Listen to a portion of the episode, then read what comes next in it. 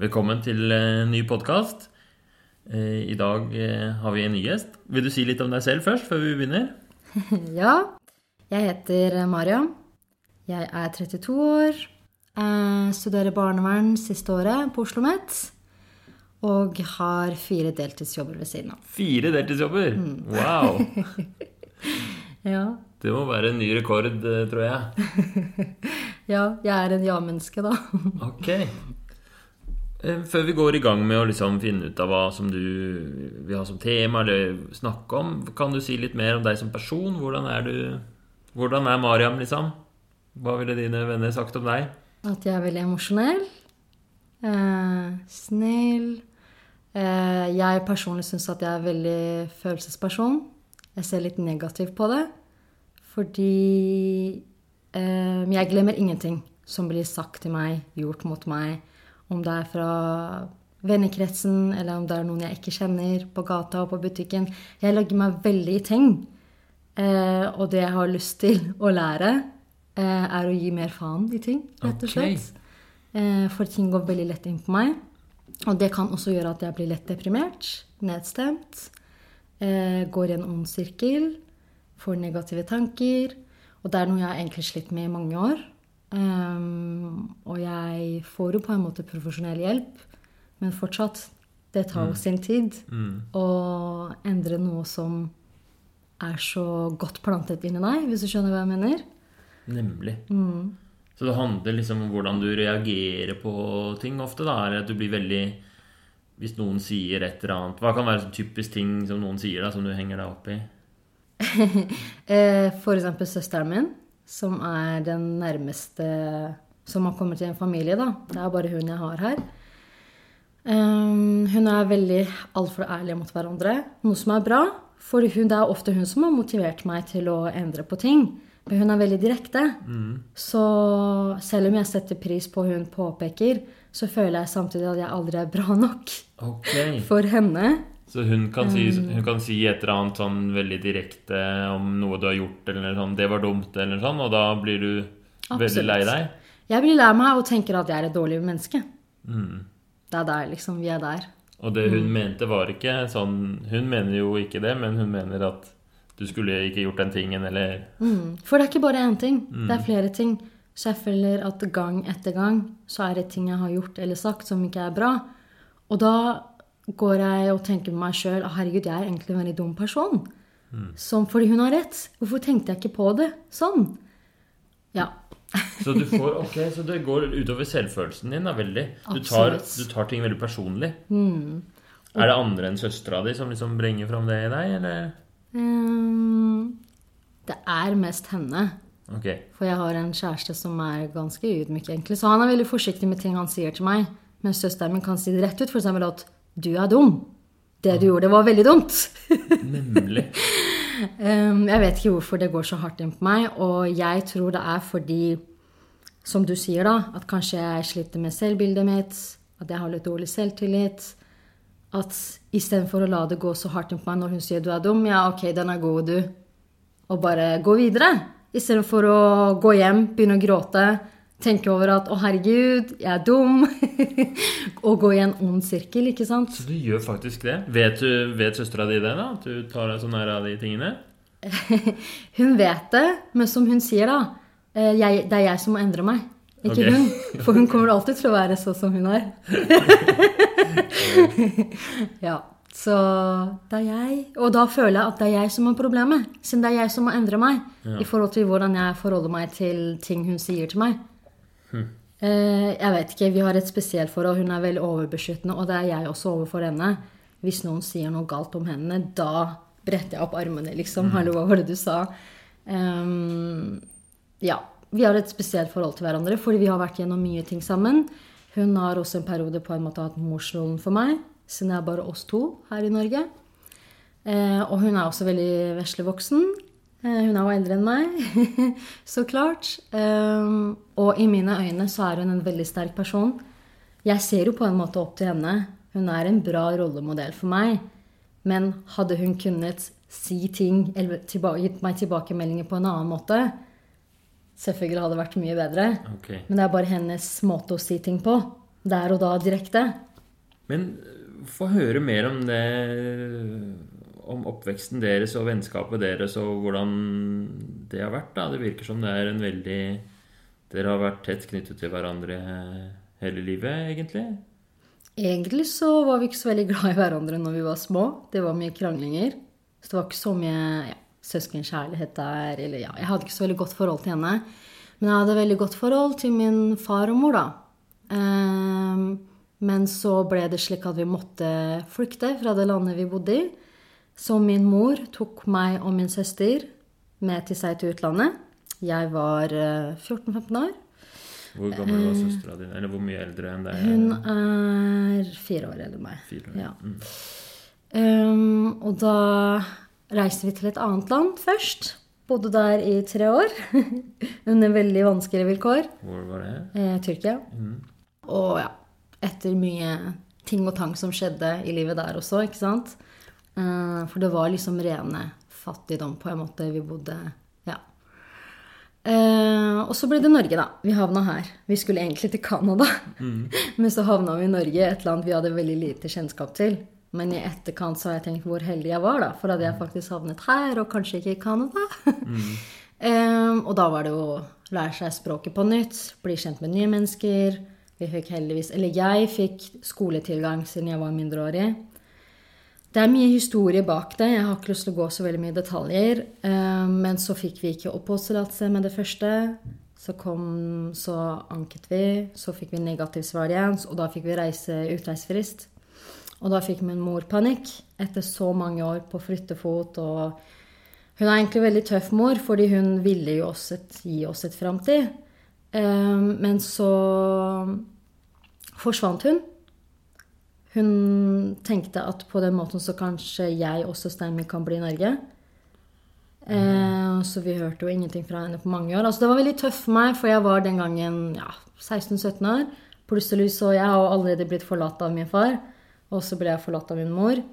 Og da gikk jeg og søstera mi i en, hva skal jeg si, en ny epoke da, i livet vårt. Eh, og da var vi veldig avhengige av å kommunisere sammen, ikke sant? være sammen. Jeg var fortsatt veldig barnslig. Jeg var veldig opptatt av gutter. Akkurat var forelsket i en fyr mm. eh, som var mye eldre enn meg. ikke sant? Og så tok han avstand fra meg, for han mente at det var stor aldersforskjell. Samtidig hadde han hørt fra meg i avisene. Mm. Så ønska meg lykke til. ikke sant? Mm. Samtidig hadde jeg ikke moren min der. Det var veldig kaos i livet mitt, kan du si. Og da var det selvfølgelig en barnevernssak, da.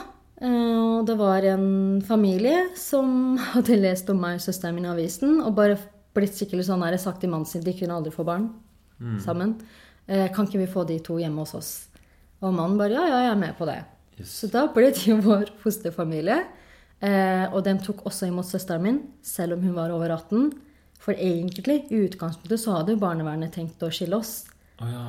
Så nå som jeg skal bli barnevernspedagog selv, så tenker jeg fy søren så viktig det er egentlig å ikke skille søsken fra hverandre. Mm. Eh, så den fikk jo betalt for meg, men ikke for søsteren min. Men den familien ville gjerne ha oss begge to. Mm. Så som sagt, det ble jo en ny epoke i livet vårt. Eh, vi lærte språket bedre, norske uttrykk, kulturen. ikke sant? De tok oss med til forskjellige steder i Norge. Galdhøpiggen, Bergen. ja, De hadde stor familie. Så det ble på en måte et nytt liv ikke sant? med savnet etter mor. For mm. begge to var jo der, også med tanke på at vi ikke visste hva som skjedde. Hun bare forsvant en dag, liksom? Hun forsvant bare. Uh, altså, jeg tenker det her er en mor som ikke sant, i utgangspunktet ønsket å gi oss et bra framtid. Nå har jeg hoppet over mye detaljer, da. Mm. ikke sant? Men uh, For det er ikke lett å liksom være fra et land fra Iran og så tenker jeg at vet du hva, døtrene har ikke noe framtid her jeg tar, med meg, jeg tar de med til utlandet. For det er, det er ikke lett. ikke sant? Det er ikke hvem som helst som kan gjøre det. Være på flukt gjennom Tyrkia Ja, og så funka ikke det der. og så, ikke sant? Hele tida så får du Så føler du at samfunnet også er imot deg. I og med at de ikke vil ta vare på tre jenter. ikke sant? Eh, så moren min ble jo etter hvert veldig psykisk syk også. For alt hun dreiv med, var å bare bekymre seg for oss, for livet, hva som vil skje i framtida. Så hun ble veldig fraværende også etter hvert. Så det var veldig tøft. Veldig tøft i begynnelsen. Men så, samtidig var jeg i tenåringsalderen. Som sagt, opptatt av gutter, opptatt av meg sjøl, hvordan jeg ser ut. Og så eh, Hun som var fostermoren vår, jobba på en skole, ungdomsskole. Så da fikk jeg lov til å starte der. Eh, og søsteren min fikk lov til å starte på videregående. Fordi hun kjente folk der. For egentlig så er det ikke lov når du ikke har oppholdstillatelse i Norge og har fått utreisefrist. Så vi var veldig heldige kan du og fikk skoletilgang. ikke sant? Søsteren min leste jo for harde livet, for hun visste jo at hun skulle bli tannlege. Ikke sant? Hun er jo lege den dag i dag, men Så hun satte seg bare på rommet og leste. For hun var sånn flink pike. Bare skulle ha bare femmer og seksere. Og det var så morsomt, for hun hadde en lærer, da, mattelærer eller kjemilærer, som eh, skrøt av henne i klassen. At eh, hun får så mye bedre karakterer enn de andre nordmennene, liksom. Eh, men ja, hun gjorde det bra. Og jeg var, sånn, jeg var ikke så veldig skoleglad, egentlig. En periode også vurderte jeg å slutte, men jeg hadde en kjempegod mattelærer. Eh, Torbjørn. Han kommer jeg alltid til å huske. Han motiverte meg veldig. Shout-out til Torbjørn. ja. og i etterkant så har han sendt meg en veldig koselig e-post også. For ikke sant, alle disse lærerne her var en liten bygd, en liten by. Alle brydde seg, alle visste hvem Mariam og Mina er. Em, alle brydde seg veldig om oss. Eh, det var veldig mye varme, ikke sant? veldig mye godhet. Eh, det var også en periode de ordna en kampanje for oss for at vi skulle få lov til å bli her Fantastisk. eh, venninnene våre, da, Karen og Ingeborg, de samla på underskrifter. Fordi vi hadde ikke oppholdstillatelse i Norge. Egentlig så hadde vi jo fått utreisefrist. Så da var det ny sak igjen hos UNE, UDI, de, den gjengen der. Men eh, ja, det tok lang tid. Mange år før det ordna seg. Jeg fikk jo ikke selv oppholdstillatelse før i 2015. Eh, egentlig i 2011, men da fikk jeg det for tre år. Men i 2015 da ble det permanent. Men jeg er ikke norsk statsborger ennå. det er en uh, annen sak. Men altså, poenget mitt er at jeg føler 20-årene mine, da Alt, han- alt har handla om overlevelse. Samtidig som jeg har vært i en sensitiv alder, hvor du skal finne deg sjøl. Hva er det du skal jobbe med? ikke sant? Rustetid. Jeg føler ikke at jeg har vært der hvor mine norske venner har vært. At jeg har hatt så mye annet å tenke på i tillegg til de andre normale tingene. ikke sant? Ehm, så jeg føler Jeg er veldig glad at jeg har bikket over 30 nå. Jeg føler ikke at jeg har hatt det så veldig bra i 20-årene. Jeg har ikke noen sånne gode minner. Jeg bare vet at det var mye tårer i 20-årene mine. Mye tårer, mye down and up-perioder. for det meste handlet om gutter. Jeg vet ikke hvorfor jeg har vært så opptatt av å bli akseptert og likt. Egentlig av alle mennesker, men mest av gutter. Og der har jeg jo driti meg ut. Jeg har hatt mange dårlige dater. Vært borti mange dårlige gutter. Der har søstera mi hatt en veldig stor rolle. Vært veldig bekymra for at jeg skal velge en som har vært en som en far. Som faren min, hvis du skjønner hva jeg mener. At hun har vært redd jeg skal velge en fyr som er som min far, da. Fordi naturligvis så har vi ikke hatt en god far. Spesielt fordi han også drev med rusmidler, så jeg har veldig dårlig forhold til det. Og en del gutter jeg møtte, så hadde jo så naturlig forhold til det. Eh, men så for to år siden bestemte jeg meg nå skal jeg date bra gutter. No more. Og det første jeg skal spørre på en date, er om personen røyker eller snuser. For hvis den gjør det, ok, takk for meg. Uansett hvor kjekk du er, så skal jeg videre. For jeg skal ikke blande meg i sånne ting noe mer, liksom. Ok, greit. Så grensa går på snus? Ja. og det skal sies at jeg snuste jo sjøl for to år siden. Mm, så når jeg var på date med kjæresten som jeg er sammen med i dag, så spurte jeg snuser du. Røyker du? Nei. Så spurte han tilbake gjør du. Jeg bare ja, jeg snuser. så han eh, tar det opp den dag i dag, da. Ja. Herregud, at du liksom gjorde det der. Jeg bare ja, ja, men jeg hadde jo på en måte lyst til å slutte. Igjen, og søstera mi var veldig gira på at jeg skulle gjøre. Så hver gang vi møttes, så sa han hver gang vi møttes, så- skal jeg spørre deg. Når har du tenkt å slutte? Og ikke sant, Det hjelper ikke. Så jeg snuste i fem år. Men når jeg begynte å, når jeg kom inn på barnevernsstudiet, så tenkte jeg vet du hva, jeg er så glad for at jeg kom inn på dette studiet. Eh, Jeg har på en måte omskolert meg. ikke sant? Jeg har bare jobba med salg og kundeservice i mange år. Men så følte jeg at det ikke ga meg så veldig mye. Som sagt, jeg er en veldig følelsesperson, så jeg må liksom gå all in med hjertet når jeg skal gjøre en jobb. Så jeg tenkte jeg ville jo være en god rollemodell for barn, først og fremst. Så jeg bestemte meg for å slutte å snuse. Fantastisk. Og da gikk det? Det gikk, og jeg har ikke prøvd en eneste gang etter det. Det her var august 2018 jeg slutta. Så da, ja. Gratulerer, så kult. Takk. ja. Dette var jo eh, så Det var så fint å få høre om bakgrunnen, og det var veldig Du forteller en historie hvor det er liksom Hatt en ganske kaotisk oppvekst, særlig fra du var sånn 14 til eh, ja, til 2015, da når du fikk den oppholdstillatelsen. Så mye kaos, usikkerhet. Og så virker det som du har litt sånn en personlighet òg. Som du sier, du er følelsesmessig menneske. Så ting som kanskje ikke er kaos for andre, blir også litt kaos for deg, da. Nemlig. Eh, en avvisning, f.eks. Hvordan er det å takle avvisning? Veldig dårlig.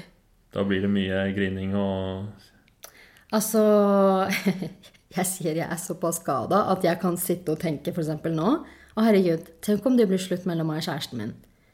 Og da svartner det helt for meg. Jeg får hjertebank, begynner å gråte, får panikk. Eh, for man vet jo aldri om forhold varer, ikke sant? Eh, så ja, jeg tenker Tenk om det blir eh, slutt en dag. Jeg tenker ikke på at Tenk om vi finner ut en dag at vi ikke passer sammen, og da er det greit å gå fra hverandre. Det er ikke sånn jeg tenker. Eh, så det plager meg veldig, det også. Jeg er alltid bekymret i forkant av at ting har skjedd. Ja, nemlig. Du lager sånne worst case scenarioer og bruker mye tid på å tenke på de. Og energi. Blir du sliten av det? Jeg blir veldig sliten av det, og som sagt, ikke sant Jeg har søsteren min, hennes mann og to barn. Det er alt i livet mitt. Det betyr sinnssykt mye for meg. Og kjæresten min, ikke sant. Så det er liksom mine nærmeste personer. Jeg bryr meg veldig om dem. Og, så jeg vil ikke at noe vondt skal skje dem. Så med en gang jeg hører ok, en eh, person ble knivstukket på Oslo S i går ettermiddag Jeg blir helt sånn Å, herregud, stakkars. Tenk på familien. Tenk på kjæresten. Altså Det skal aldri skje meg. Mine nærmeste. Det er sånn jeg tenker. Og så tenker jeg om, tenk om det skjer. Så problemet mitt er at kjæresten er veldig glad i å sykle. Når han er ute på tur og sykler, han vet at jeg vil at han skal ta med seg telefonen. Og så er det en app som heter 'Hvor er du?' eller 'Hvor er?' Så jeg må liksom Og ja, han vet det når han kommer hjem fra sykkelturen. Det her er når jeg er på jobb, ikke sant? så vil jeg at han skal sende meg en melding. Det her er for at jeg skal vite at ok, sykkelturen gikk fint for i dag. Nå er han trygt hjemme. Ja, nemlig. Jeg veit ikke. Jeg blir sånn og tenker å høres jeg veldig sykt ut nå, liksom. At jeg bekymrer meg for om kjæresten har det bra. At niesene har vært på skolen, men nå er de hjemme. At jeg hører stemmene deres. Det er fordi vi, jeg bor i kjellerleiligheten, så jeg kan høre stemmene. Og det gir meg en trygghet, da. For jeg vil ikke miste noen av de. Jeg kjenner at jeg kontrollerer meg sjøl nå, faktisk, for å ikke gråte. Ja. Um, men ja. Jeg merker på deg at dette her er så viktig Eller det er jo helt fantastisk da at du har så mye omtenksomhet og omsorg. Og så tror jeg det er veldig slitsomt for deg å hele tiden stresse med det der. Jeg vet ikke hvorfor jeg gråter, egentlig. Det her, for eksempel, jeg hater at jeg gråter. Jeg tror det er bare så mye ting i meg som jeg må jobbe med. Og jeg Jeg har gått til psykolog i mange år også. Men det er bare Det er en jobb. Det er en skikkelig jobb å jobbe med seg selv og Ja. Det går bra. This is me. Nå har du det. Nå vet du hva jeg snakker om. Å, herregud. Ja. Så det jeg vil bli motivert til, Herman, det er for å bli en sterkere person, da. Ja. Jeg liksom ønsker å se de gode sidene i meg sjøl, fordi jeg er den største kritikeren mot meg sjøl. Og jeg har mine svakheter. ikke sant? Jeg er redd for å bli forlatt, jeg er redd for hva andre tenker om meg. Eh, jeg vet ikke engang om jeg vet hvem jeg er. Hva jeg står for. Hva er mine meninger? Og jeg føler at fordi hele livet så har jeg løpt etter ting, altså for å overleve. At jeg har på en måte mistet meg sjøl, eller ikke tenkt på meg sjøl midt oppi alt. Hvem er Mariam? Hvem er det hun vil ut av livet? Hva er det jeg står for? Jeg blir veldig lett påvirket av hva andre sier og mener, hva de står for. Ja. Og så bare Oi, det var kult. Og kanskje det er det jeg også mener. Skjønner du? Jeg liker ikke det. Du føler deg litt som om du mangler liksom noe eh, sånn trygg kjerne, trygg grunn å stå på, liksom. Det er veldig Du og følelsene dine er som en sånn løv eh, flyr i vinden. Hva som helst skal bare rive det av gårde, liksom. Helt riktig. Mm. Og det er derfor søsteren min ikke sant? Hun sier at, hun, at jeg, hun skulle ønske at jeg kunne se de gode tingene sjøl, men jeg gjør ikke det. Så får jeg kritisere meg. Til og med ikke sant? Hvis jeg har gjort en dum ting, så tenker jeg ah, for et jævlig menneske jeg er. Som eh, ikke gjorde det der før jeg tenkte på det. Men er det så farlig, ikke sant? Ja. Vi er alle mennesker. Vi er alle mennesker, og jeg tror du er så mange som kjenner Det er veldig fint at du sier dette her nå, for mange som hører på, kjenner seg igjen i det at altså, vi er forskjellige på veldig mange områder, og et, et område mennesker er forskjellige på, er dette med hvordan man eh, håndterer følelser og avvisning og, og bekymringer og sånt noe. Og det som er kanskje en stor gruppe er, tar jo det veldig lett, ikke sant? Kanskje søstera di er sånn, eller mange som er sånn som bare Ok, putt sammen, gå videre. Mens for mange er det der veldig vanskelig. Men så fordi noen klarer det, noen ikke klarer det, så blir det, sånn, så blir det så fort gjort at man hele tiden kriger og prøver å kjempe mot en sånn særegenhet man har. Da. Og så bygger det seg opp med dårlig samvittighet, og man skammer seg og føler seg dum eller sånn Når det jo er helt naturlig. Du kan ikke noe for det. Det er ikke din skyld at du er sånn som du er. Nei, nei. Du valgte ikke verken foreldrene dine eller hvor du skulle vokse opp eller Nei, nettopp derfor vil jeg gjøre det beste ut av det. For jeg er jo sånn sett veldig heldig. Det hører jeg ofte fra søster eller andre, at du er så heldig. Du er frisk og rask. Du studerer. Dette, du er smart, ikke sant? Du har en jobb. Du har venner som er glad i deg. Du har familie rundt deg. Og det er sånne ting ikke sant, som er sånn goder vi har i livet som kanskje vi noen ganger tar for gitt. da. Og som du sier, noen ganger så får jeg dårlig samvittighet. Bare sånn Er jeg utakknemlig, utakknemlig nå? Eh, for jeg vil jo Altså, Norge er jo mitt nye hjem, ikke sant? Jeg ser på det som hjem, og det er her jeg vil bo og eh, dø. ikke sant? Så jeg vil jo aldri tilbake til der hvor mine røtter er. Overhodet ikke. Det står meg veldig langt, Det står langt fra meg nå, for å si det sånn. Um, så jeg vet ikke om det er den tokulturelle i hodet mitt. For jeg også misunner nordmenn. Jeg syns dere er veldig selvstendige mennesker. Eh, dere takler følelser fint. Det har jeg også snakket med venner og sånt om. Så sier de nei, det er du som er heldig som klarer å vise følelser. For vi klarer ikke å vise det. Så da går det liksom inn på oss. Men jeg bare ja, men dere er så heldige som ikke gråter. Ikke sant? For jeg liker ikke at jeg er en person som gråter hele tiden. Og så er det morsomt, for han psykologen min sier at det er så fint at du viser fram følelser. For mange kommer til meg for de har problemer med å vise følelser. og de Og du tenker ikke sånn Å, skulle ønske det var meg. ja, jeg bare ja.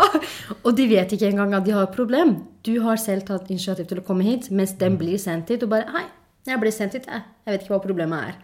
Mens jeg er veldig sånn på det der at jo, det her sliter jeg med, jeg vil gjøre noe med det. Men så er jeg veldig utålmodig. Jeg vil at det skal skje her og nå. ja. Så det er også den der prosessen med å utvikle deg og kanskje ta tak i noe som er et problem, blir det også sånn kilde til Å nei, nå begynte jeg å gråte igjen. Jeg får jo ikke til noen ting. Og så blir det også Alt blir kaos, Mm. liksom. Jeg bare tenker at ah, jeg er et så stort problem her i verden, tenker jeg.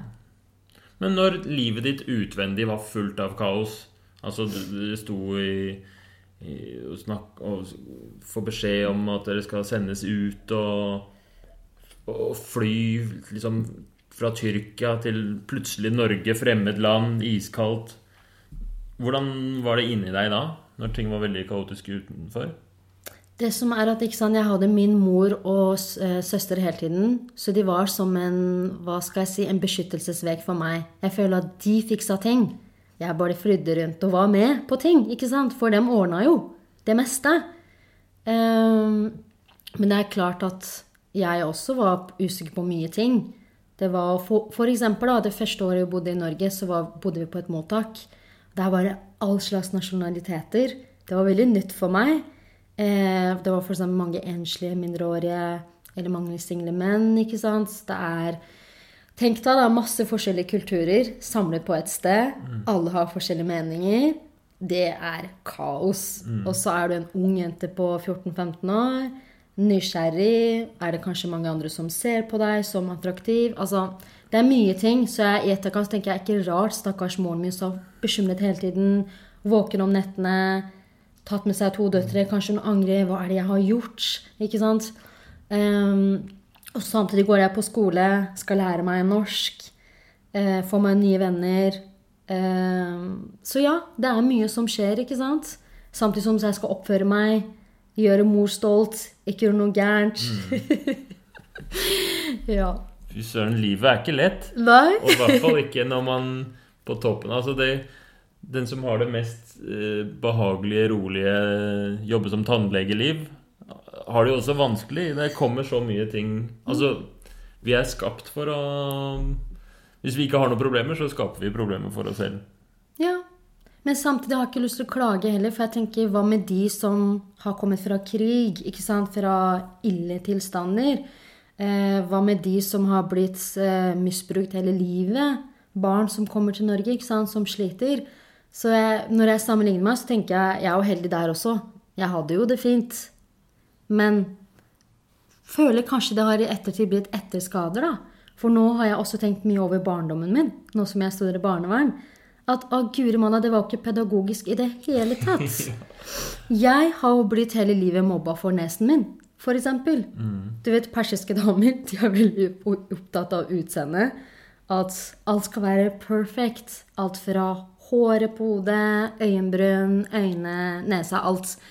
Og de er jo kjent for å operere neser mest i verden. Og jeg husker jeg var bare 10-11 år når tanta mi forteller meg at uh, med en gang du blir 18 år det er lovlig, så må du operere nesen din. Oi, shit. Den er altfor stor. ikke sant? Og jeg som barn tenkte jo hele livet ikke sant, at ja, jeg har en stygg nese. Med en gang jeg ble, Og jeg, har liksom, jeg føler jeg gikk glipp fra alderen 10 til 18, for jeg venta hele livet på at jeg skulle bli 18 år. Sånn at jeg kan få operert den nesa. Oi, shit. Det er helt sjukt når jeg tenker på det nå. Hva det, med, hva det gjorde med meg som barn. For det var ikke bare det hun klagde, hun også mente at jeg var litt lubben. At jeg måtte passe meg på hva jeg spiser og ikke spiser. Mm. Eh, som, det her er en tante den dag i dag som jeg ikke liker. Eh, jeg ringer henne kanskje en gang i året for å si god jul. Og da skal jeg begynne å klage på 'Hva har jeg gjort med deg? Hvorfor tar du ikke kontakt?' Bla, bla, bla. Orker ikke det. Jeg orker ikke sånne ting. Jeg er veldig takknemlig og glad for at jeg den dag i dag er komfortabel med nesa mi, og jeg vet at jeg kommer aldri til å operere den. jeg er veldig redd for operasjoner, sprøyter og alt. jeg bryr meg ikke. Jeg har blitt veldig komfortabel med utseendet mitt. Jeg tenker, Hvor farlig er det at nesa mi ikke passer til ansiktet mitt? Eller at jeg kanskje har litt for store lår? Det viktigste for meg er at jeg har det bra med meg sjøl. At jeg, som jeg sa til deg eh, innledningsvis, at jeg lærer meg å gi faen i ting. Og, og gi faen i noen mennesker. Som er bare pain in the ass, liksom. Mm. Så jeg, som jeg sa til deg, jeg har hoppet over mange detaljer. Jeg forstår jo nå at jeg hadde ikke en bra barndom heller. ikke sant? Jeg hadde ikke en far som var til stede. Jeg hadde en familie som klagde over utseendet. Du må få bra karakterer. det må bli noe av deg, ikke sant? Det er hele tatt den der perfeksjonismen. Ja. Eh, det må bli noe bra av meg, både ja. utseendemessig og innvendig. Mm. Flink pike, bra jobb, gjerne lege eller advokat eller ingeniør. Akkurat som søstera di, liksom. Akkurat som søstera mi. Jeg er glad egentlig for at jeg skiller meg ut der. For jeg kunne aldri tenkt meg å bli advokat, lege eller ingeniør. Ja. Jeg, eh, det er andre ting jeg vil drive med, ikke sant. Så ja. Kjempebra. Så det, det du sier du vil da, innledningsvis, er at du vil liksom eh, bli sterkere, bli flinkere til å håndtere følelser. Mm.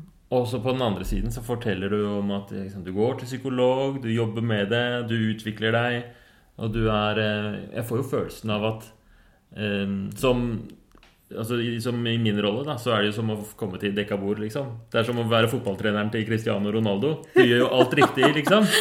Eh, men det blir veldig spennende også, å, å, å følge med på da litt sånn eh, ja, hvis, du, hvis du går inn litt mer på konkret, sånn prøve å si mer om hva er sånne konkrete ting du gjerne skulle ønske du fikk til, og litt hva du gjør for å komme dit, da? Eller? Ok, det skal du få høre. Mm. Jeg vil først og fremst motiveres til å gi mer faen. Altså, mm. jeg vil ikke ta alt i livet så jævla seriøst hele tiden. Jeg har ikke lyst til å bekymre meg for ting og tang. Jeg har lyst til å være glad, være lykkelig. Ikke være redd for hva andre vil si eller tenke om meg. Og så har jeg lyst til å lære meg å altså sette pris på meg sjøl og bli glad i meg sjøl. Fantastisk. For Var det mye ting? Det var noen helt nydelige mål. Uh, altså, disse tingene er jo uh, på en måte idealer. Ikke sant?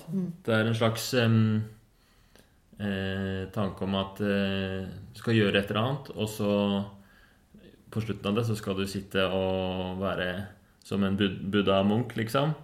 Ikke ta noe personlig og mm, være lykkelig hele tiden. Så det, jeg syns det er helt flotte idealer. Så um, det som er spørsmålet mitt, er hvordan uh, Hvordan kan man La oss si om ett eh, Det har gått ett år, da, og du har hatt en skikkelig lært masse og gjort alt riktig, liksom. Hvordan ville du merka det da? Hva ville vært en sånn typisk situasjon? Eller et eksempel hvor eh, La oss si søstera di sa et eller annet til deg, og du hadde sånn perfekt reaksjon som du ville ha. Den dagen hun sier noe til meg, og jeg ikke tar det innover meg, og bare tenker ah, ok, ok, eller takk for tilbakemeldingen, og går hjem uten å tenke noe mer over det, eller være bekymret for at jeg er dum, da snakker vi. Da er du fornøyd, liksom? At du mm, i mindre grad tenker sånn ah, 'Nå var jeg dum', og at blir veldig, veldig lei deg. Mm At nå har jeg gjort enda en dum ting, og herregud, jeg endrer meg aldri. Den vil jeg ta knekken på. Ok. Hva tror du du kan gjøre for å få til det, da? Eller hva er liksom Da tenker jeg at jeg må jobbe med selvbildet mitt. Selvtilliten, ikke sant? Hvordan At gjør man det, da? bare fordi hun sier en ting til meg som hun mener ikke er riktig, så føler jeg at jeg har fått fasiten. Det er det som er problemet. Jeg føler at hun har fasiten ikke sant, på hva som er riktig og galt. Ja. Det kan hende at noe som er galt for henne, er riktig for meg. Og da må jeg jo stå for det. Det er det hun også sier, at du må bare lære deg å stå for det du mener. Ja. Istedenfor å tro at jeg kritiserer deg nå og blir lei deg, for hun får jo tilbake dårlig samvittighet. Men du spør hvordan jeg kan jobbe med selvbildet mitt. Jeg tror jeg må først bli glad i meg sjøl. Hvordan blir man det, da?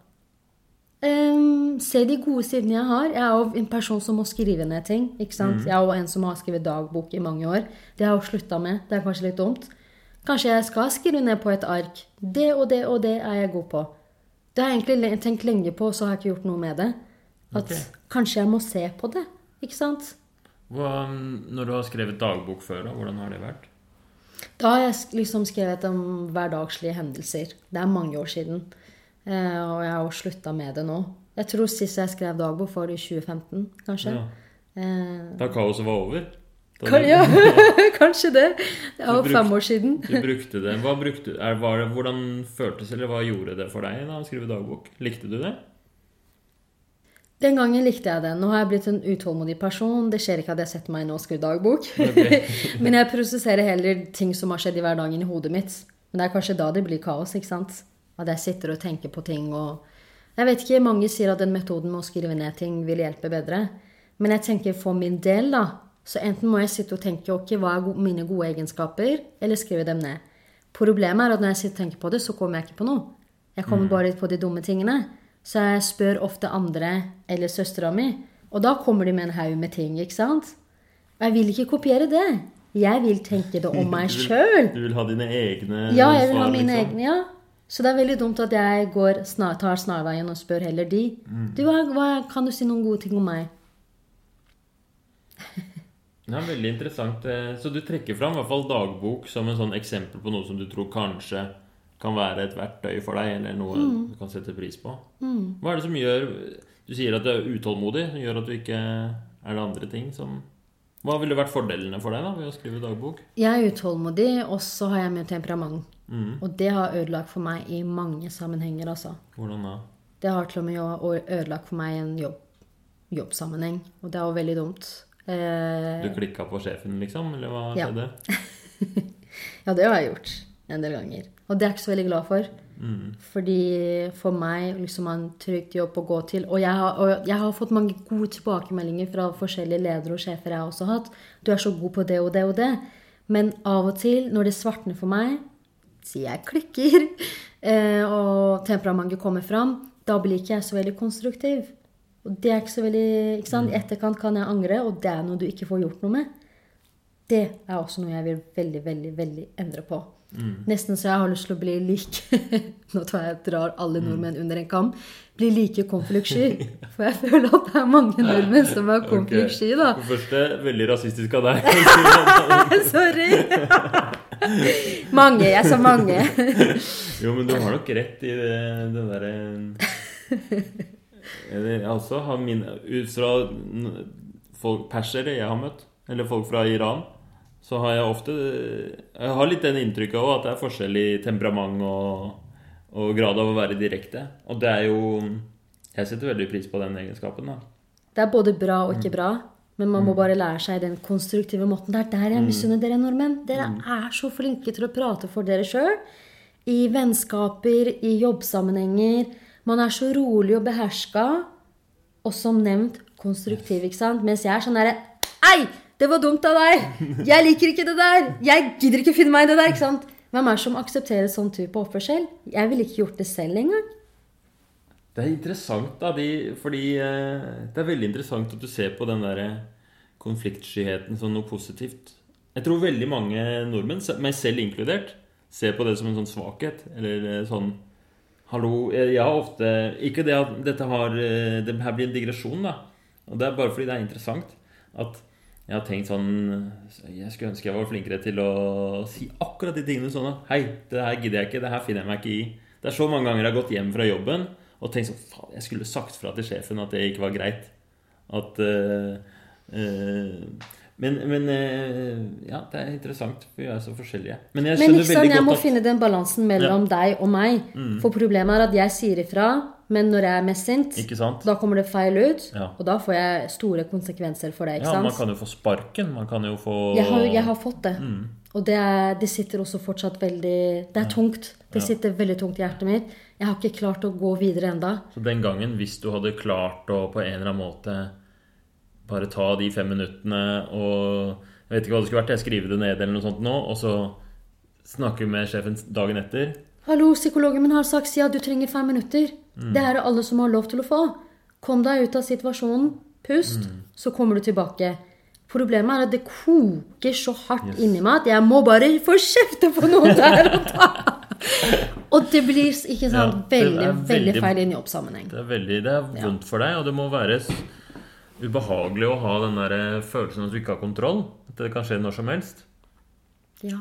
Er det det? det med, Mm. med tårer og sånn også? At det bare ja, ja, ja. Men det som er litt interessant, kanskje for deg, at jeg har prøvd begge deler i jobbsammenheng. Både der hvor jeg har mistet kontrollen og bare sier ting som ikke er så veldig passelig å si, og der hvor jeg har beherska meg og sier det på en veldig rolig måte, og jeg har sett hvordan det blir tatt imot. Da blir jeg den flinke ansatte ikke sant, som eh, Oi, wow, vi har noe å lære av hun.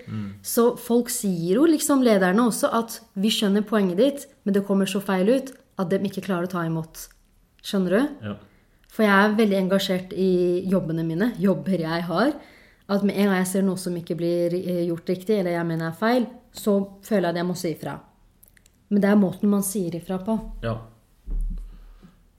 Det er jo også en sånn ting eh, som jeg tror mange har veldig nytte av. Det handler jo om, om hvordan man legger fram ting og kommunikasjon og sånn samhandling på arbeidsplass og sånt noe.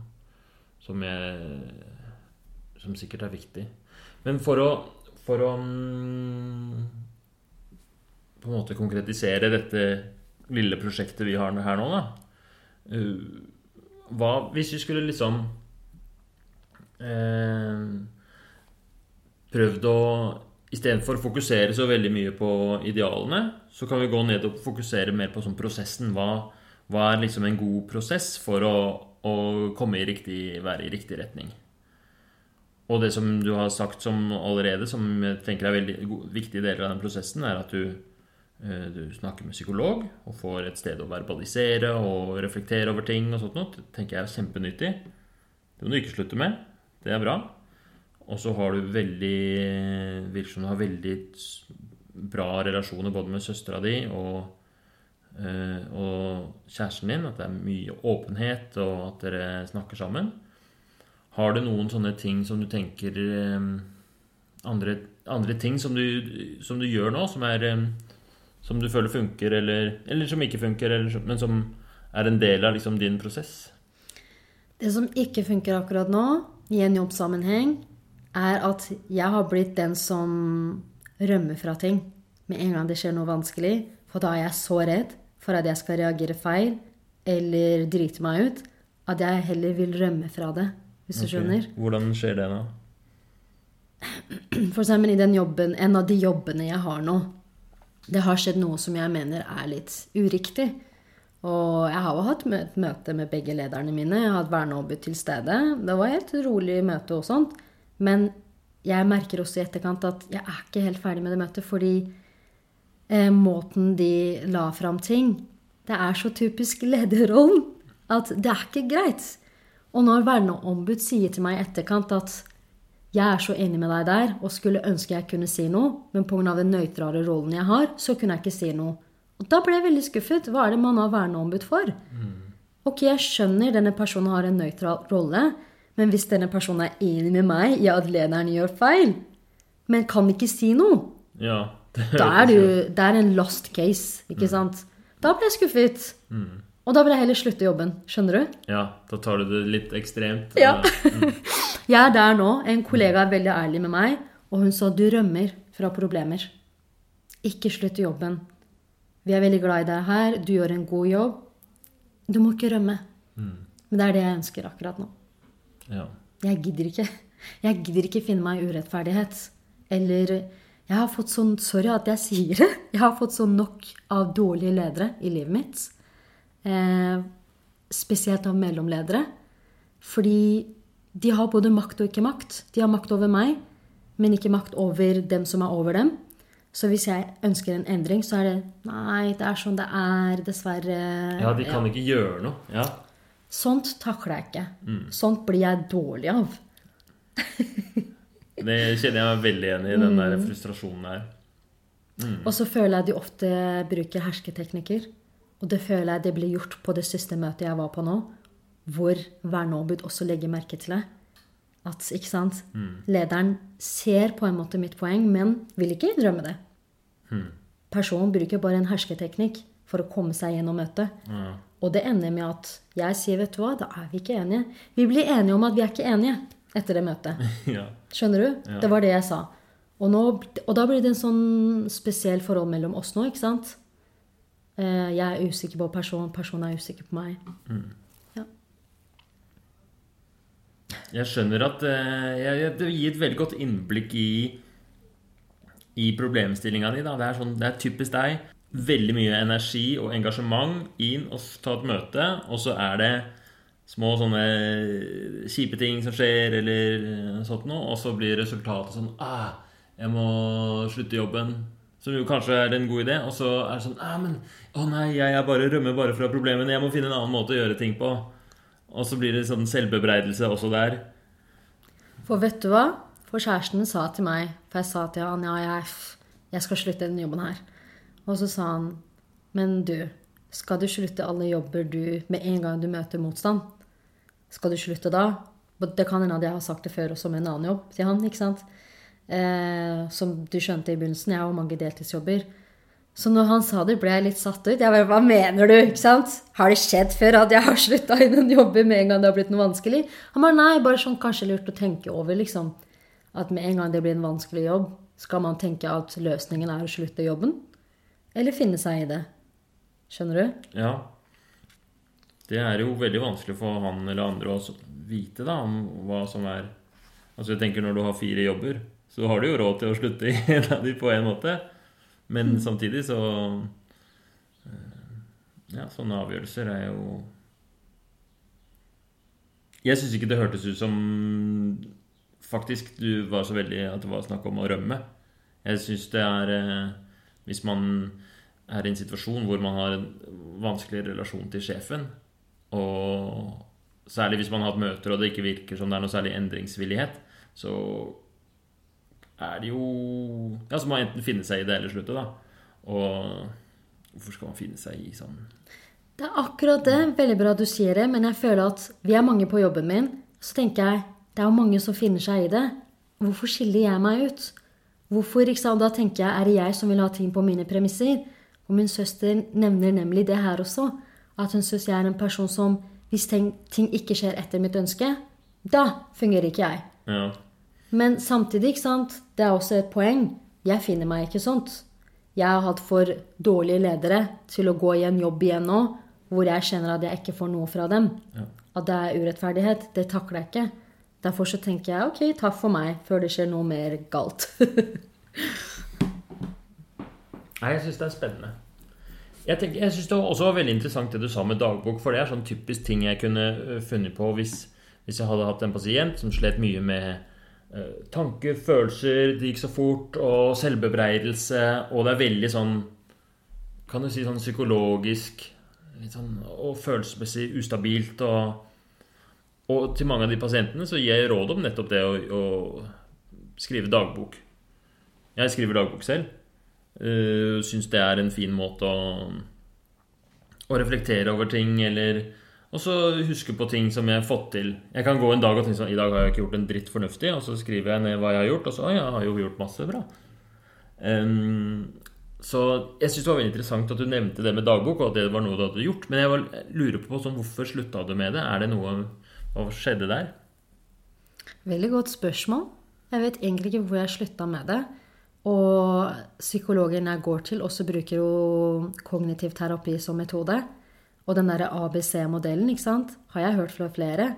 Noter ned A. Hva var situasjonen? B. Hva skjedde? Hva følte du? C. Alternativ. Hva kunne gått bedre? Latskap. Går det an å si det? Utålmodighet. Latskap. At jeg, den ABC-modellen, hvis jeg hadde brukt den jevnt i disse årene åh, Nå angrer jeg på det når jeg sier det. Hvorfor har jeg ikke gjort det? Så hadde det kanskje hjulpet meg litt bedre. Kanskje hadde jeg vært et hakk fram Altså, ja. Skjønner du hva jeg mener? Mm. Ja, så for du har uh, vært litt eksponert for en sånn helt konkret metode, egentlig, som minner litt om å uh, skrive dagbok. Eller det gir i hvert fall deg en assosiasjon, litt samme greia. Og du tenker at hvis du hadde gjort det, så hadde det hjulpet deg veldig. Kanskje det, hadde altså, det er noe i det. Det er en metode som mange psykologer, psykiatere bruker. Kognitiv terapi, ABC-modellen. Det er en klassiker, er det ikke det? Jo, jo, det er en klassiker. Um, at, som, og da trenger man ikke se dagbok heller. Du skal bare skrive hva skjedde. For å samle tankene. Fordi i mitt hode så blir det kaos med en gang noe skjer. Kanskje jeg må ha Jeg har sagt det til han, også, jeg jeg ikke noe med det. vet du. At jeg kanskje skal skaffe meg en eh, notatbok og ha det i sekken min, veska mi, overalt jeg er. Kanskje jeg er en sånn person ikke sant? som må begynne å skrive med en gang for å samle meg. Alle har jo sine greier. Noen må ut på løpetur. Løpe alt de har, og så er de ferdig med det når de kommer hjem. At det er det som gjør at vi mennesker er så forskjellige. Da. At man må finne sin egen greie. Akkurat som mange andre ting. Akkurat som at jeg må finne meg en jobb som passer meg. Ja, veldig spennende. Hva tror du er Men du sier sånn Du, du nevner veldig mange fordeler med å, med å ha notatbok. Du tenker at det kunne. Det, det høres ut som du, det, det er veldig viktig for deg å finne verktøy. Men samtidig så sier du at eh, det er latskap som du gjør. Syns du det er veldig kjedelig å skrive Egentlig ikke. Jeg har egentlig alltid vært glad i å skrive. Men, den, men med den digitaliseringen som skjer i verden nå, så skriver jeg faktisk en del på telefonen min. Så jeg har liksom noe dagbok én, dagbok to. Noen ganger da, så bare skriver jeg alt på telefonen. Men eh, den gode, gammeldagse måten å liksom ta fram penn og papir og skrive eh, Og det har jeg også hørt at det hjelper veldig i forhold til forelesninger òg. Istedenfor å sitte og skrive på PC-en. Men når du skriver ting, så går det visst litt fortere ja. i hodet. Jeg har hørt Har du hørt det. om det? Jeg har hørt Ja. om det. Jeg skriver allikevel på mobilen, fordi Hvordan skal jeg ha med liksom Men det er det samme om man skriver på notatene på telefon eller på et papir på et ark. ikke sant? Mm. Men det er morsomt at du nevner det, for det også tenker jeg på hvorfor jeg ikke noe med det. Særlig den ABC-modellen. Fordi det skal visst hjelpe meg, personer som meg, da. Ja, Så det er en konkret anbefaling du har fått av psykologen. Ja, egentlig. Mm. Så hvordan kjennes det ut med motivasjonen for det nå, da? Har du lyst til å Ja, egentlig når jeg tenker på det, at når jeg sitter til og med hos deg og gråter, så tenker jeg det må være noe. At det kommer så mange følelser fram. At jeg må sortere disse følelsene, tankene. ikke sant? Et poeng som psykologen har også. Skille mellom tanker og følelser. Der sliter jeg. For ofte så utfordrer meg Hva tenker du nå? Og så sier jeg, og så sier jeg, men det er en følelse. Hva Ja, ja. tenker du nå? Nemlig. Eh, ikke sant? Mm. Men det å lære også å skille mellom tanker og følelser Ja. eh, For følelse er noe jeg føler, jeg får ikke gjort noe med det. Men tanker det er ikke nødvendigvis at det er det jeg tenker. Mm. Eh, ja. Du skal bli psykiater sjøl, så du skjønner sikkert hva jeg mener. Ja, men jeg syns også det er vanskelig å skille mellom tanker og følelser, og det tenker jeg er greit. Man vil aldri På en måte så er tanker og følelser er jo bare oppfinnelser vi har funnet opp for å beskrive det kaoset som skjer her, liksom. Så Så det er et veldig fint verktøy, ja. Man kan jo ikke styre tankene, de kommer jo bare. Så vi har jo sagt, det her har vært en helt utrolig spennende samtale. Veldig gøy å høre om alt sammen. Og du forteller det med sånn innlevelse, og det er kjempekult. Så um, du har hele livet ditt vært et følelsesmenneske. Mye sinne, mye gråting, mye nysgjerrighet, mye engasjement. Du er en liksom veldig levende person. Og eh, Men det har også en bakside som du har liksom slitt mye med. Det er hele tiden en sånn følelse av at er det bra nok? Burde jeg være flinkere på det? Jeg burde mer sånn? Jeg burde mer sånn? Og kritikk og avvisning og ting som ikke er bra, liksom, det tar du veldig inn til deg og blir veldig Og det er kjempeslitsomt for deg. Ubehagelig, vondt. Og det du vil, er egentlig bare å få fred. For du, du vil være lykkelig, balansert. Du vil være konfliktsky, sikkert til og med. Men jeg skjønner hva du mener. En sånn balansegang. Og Og det er På en måte så er jo det helt fantastisk, ikke sant? Og du er ambisiøs, og du vil Og det kommer jo fra et veldig bra sted. Du vil gjerne relatere og gjøre en god jobb, ikke sant? Og vil ikke at ting skal gå utover jobben din. og og, og vennskapet ditt med søsteren din og med kjæresten. Men så er det også en sånn der, en slags en sånn grunnleggende selvbebreidelse i det. da Så hver gang du sier sånn 'jeg vil bli bedre på det', så sier du også da dette her eh, Du sier en slags sånn nei til deg selv lite grann. Så det eh, Det blir som å prøve å slukke brannen med bensin. Mm. Eh, men det som du har i hvert fall um, og, og, og det er helt, sånn er vi alle sammen. Og det er nydelig, liksom. Det er det store um, lidelsen i å utvikle seg. Er jo at man hele tiden blir bevisst på alt man er dårlig på. Men vi skal jo utvikle oss. Vi skal jo vokse. Vi er jo som treet, liksom. Vi skal jo bli det vi blir. Så min eh, oppfatning er jo Og jeg vet ikke om, jeg, det, om du er enig i hva du tenker om det, men at du er på så Selv om du har mye av disse følelsene, og det er mye ubehag og svingninger, så er du på et veldig bra sted. Jobber så bra. Du har eh, Det går bra på studiet, du har fire jobber. Det virker som du trives i studiet, og du har et flott forhold til kjæresten din. Og selv om du blir veldig stressa og sur og lei deg av den dynamikken med søstera di, så virker det som dere har et helt fantastisk direkte, ærlig, nært forhold. Eh, så jeg har veldig trua på det her, da. Og av ting, sånne konkrete ting som eh, råd og som du kan gjøre, eller som vi kan følge med til, til neste gang, da, er jo det der med hvordan er det med å, skrive dagbok? Eller det var i hvert fall noe jeg fikk inntrykk av kanskje du tenkte vi kunne hjelpe deg, og som du hadde lyst til å få til. Eh, så vi kan jo se litt på det, da, hvordan det går eh, neste uke. Om du har noen mer tanker om det, om det kan være noe for deg. Kanskje prøve litt fram hvordan funker det. Hva, gir det deg noe glede? Jeg har eh, Ja, jeg syns egentlig alle burde skrive dagbok, fordi det er sånn Ikke av noen grunn, egentlig, men det var en fin, fin ting å gjøre. Eh, Kjenner du deg igjen i dette her? Hva tenker du nå? Jeg syns det var veldig godt oppsummert. Bra. Ehm, det er morsomt at du nevner at eh, du, du føler at jeg er på et godt sted. For det er det så mange som sier. ikke sant? Ja. Og det er jo jeg som er blind og ikke ser meg sjøl hvor jeg er. Så jeg skulle ønske at man kunne se seg sjøl i en film. ikke sant? en, en hver dag, da, fra man står opp til man legger seg. Mm. Det hadde vært ganske kult. Da kanskje man kunne liksom se ting bedre. Um, men jeg vil absolutt ta utfordringen til meg og begynne å skrive. Dagbok eller den ABC-modellen, Mm, ikke sant? ja. Fra små hendelser til store. Det skjer jo.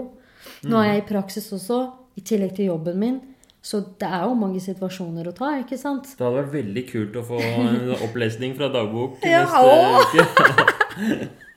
Ja, Mm. absolutt. Men ja. Men du syns det var um, du kjenner, eller du, alt, Folk sier alltid 'ja, men det er så bra med deg', liksom. Og du bare 'nei, det er ikke Jeg har det vondt'. Ja, men det er det, ikke sant? Psykologen bare Men du er et veldig sterk person. Du klarer deg så bra i samfunnet, med, selv med de tingene du sliter. Du har jobb, du har studier, bla, bla, bla. Du er tante, du er kjæreste, du er venninne. Men det er det, da. At jeg føler ikke på de tingene sjøl. At jeg er bra nok tante, at jeg er bra nok søster, at jeg er bra nok kjæreste. Skjønner du? Jeg er bra nok ansatt, jeg er bra nok student. Ja, Du trenger ikke å høre det fra andre, du trenger å vite det i deg selv. Nettopp! Jeg vil føle på det sjøl, ikke hva andre forteller meg. Ikke sant? Eh, om de sier til meg jeg er flink eller ikke flink. Ok, det er helt greit. For jeg har sagt til mange jeg vil høre ris. Gi meg gjerne tilbakemeldinger Ja. på ting jeg kan bli. Og det sier jeg til lederne mine òg. Altså når jeg slutter i jobb, så sier jeg kan du si bra, tre bra ting om meg, tre dårlige ting. Noter det ned. Jeg har det fortsatt fra en sjef i 2015, liksom. Og så går jeg tilbake og tenker på det og bare Oi, jeg har fortsatt de dårlige tingene han sa. Men så er det hyggelig de bra tingene han har sagt. Ja. Det må være noe som gjør at jeg fungerer i jobbene mine, ikke sant? For at de ansetter meg og gir meg ros da, for jobben jeg gjør. Mm. Til den dagen temperamentet mitt kommer fram. det vil jeg jobbe med. ja. Nå skal jeg bli barnevernspedagog også, så jeg trenger mye tålmodighet. Jeg skal jobbe med barn og ungdom. Det er verdens viktigste jobb, syns ja. jeg. Det er kjempeviktig. Mm, Og jeg er engasjert, for jeg elsker barn. Og jeg vil jobbe for rettighetene deres, for at de skal ha det bra. Få en pedagogisk eh, oppvekst. Ja, Så det er sånne ting jeg vil jobbe med og kjempe for. Dermed er det veldig viktig, tror jeg, at man personlig har det bra sjøl. Før man skal jobbe med barn og unge, da. Og fortelle dem Vi er veldig gode på å fortelle andre hvordan de skal få det bra. Ja. Jeg har faktisk en venninne som sier Fy søren, Mariam, du skulle ha blitt psykolog. Ja, ikke sant? Ikke sant? Det er rart at hun sier det. Så jeg er veldig god psykolog for andre. Eh, stiller opp og vil motivere dem, akkurat som den jobben du gjør. Men så er jeg ikke tilbake mot meg sjøl. Er ikke det rart? Det er rart. Det er rart. Det er veldig spennende. Det er veldig spennende. Jeg er veldig spent på hvordan det går til eh, neste uke. Om, eh, fordi det som er planen, er at vi tar en ny samtale da. Og du forteller litt hvordan det har vært, og, og hvordan det føles med de ABC å, å gjøre det. Eller det du vil, da. Det er ikke noe sånn lekse eller noe sånt, men det er opp til deg å finne ut hva Og så mm, i den samtalen kanskje vi liksom oppsummerer og lander på en eller annen at du har et eller annet Forhåpentligvis så, så kommer du fram til et eller annet som du har fått ut av det, og som du kan ta med deg videre. da Enten i form av en innsikt eller en plan eller en, en, eh, en ambisjon eller Høres det greit ut? Jeg syns det høres spennende ut. Ja. Jeg liker sånne utfordringer. Mm. Kjempebra. Veldig hyggelig å ha deg på besøk. Og så altså, ses vi om en uke. Takk, takk.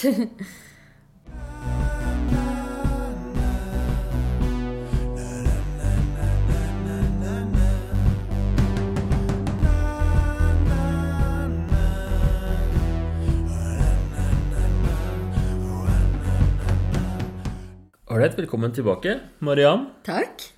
Nå har det gått ca. en uke siden vi snakka sammen sist. Riktig. Og da snakka vi om eh, deg og dine problemer og din historie og hva du hadde lyst til å endre på.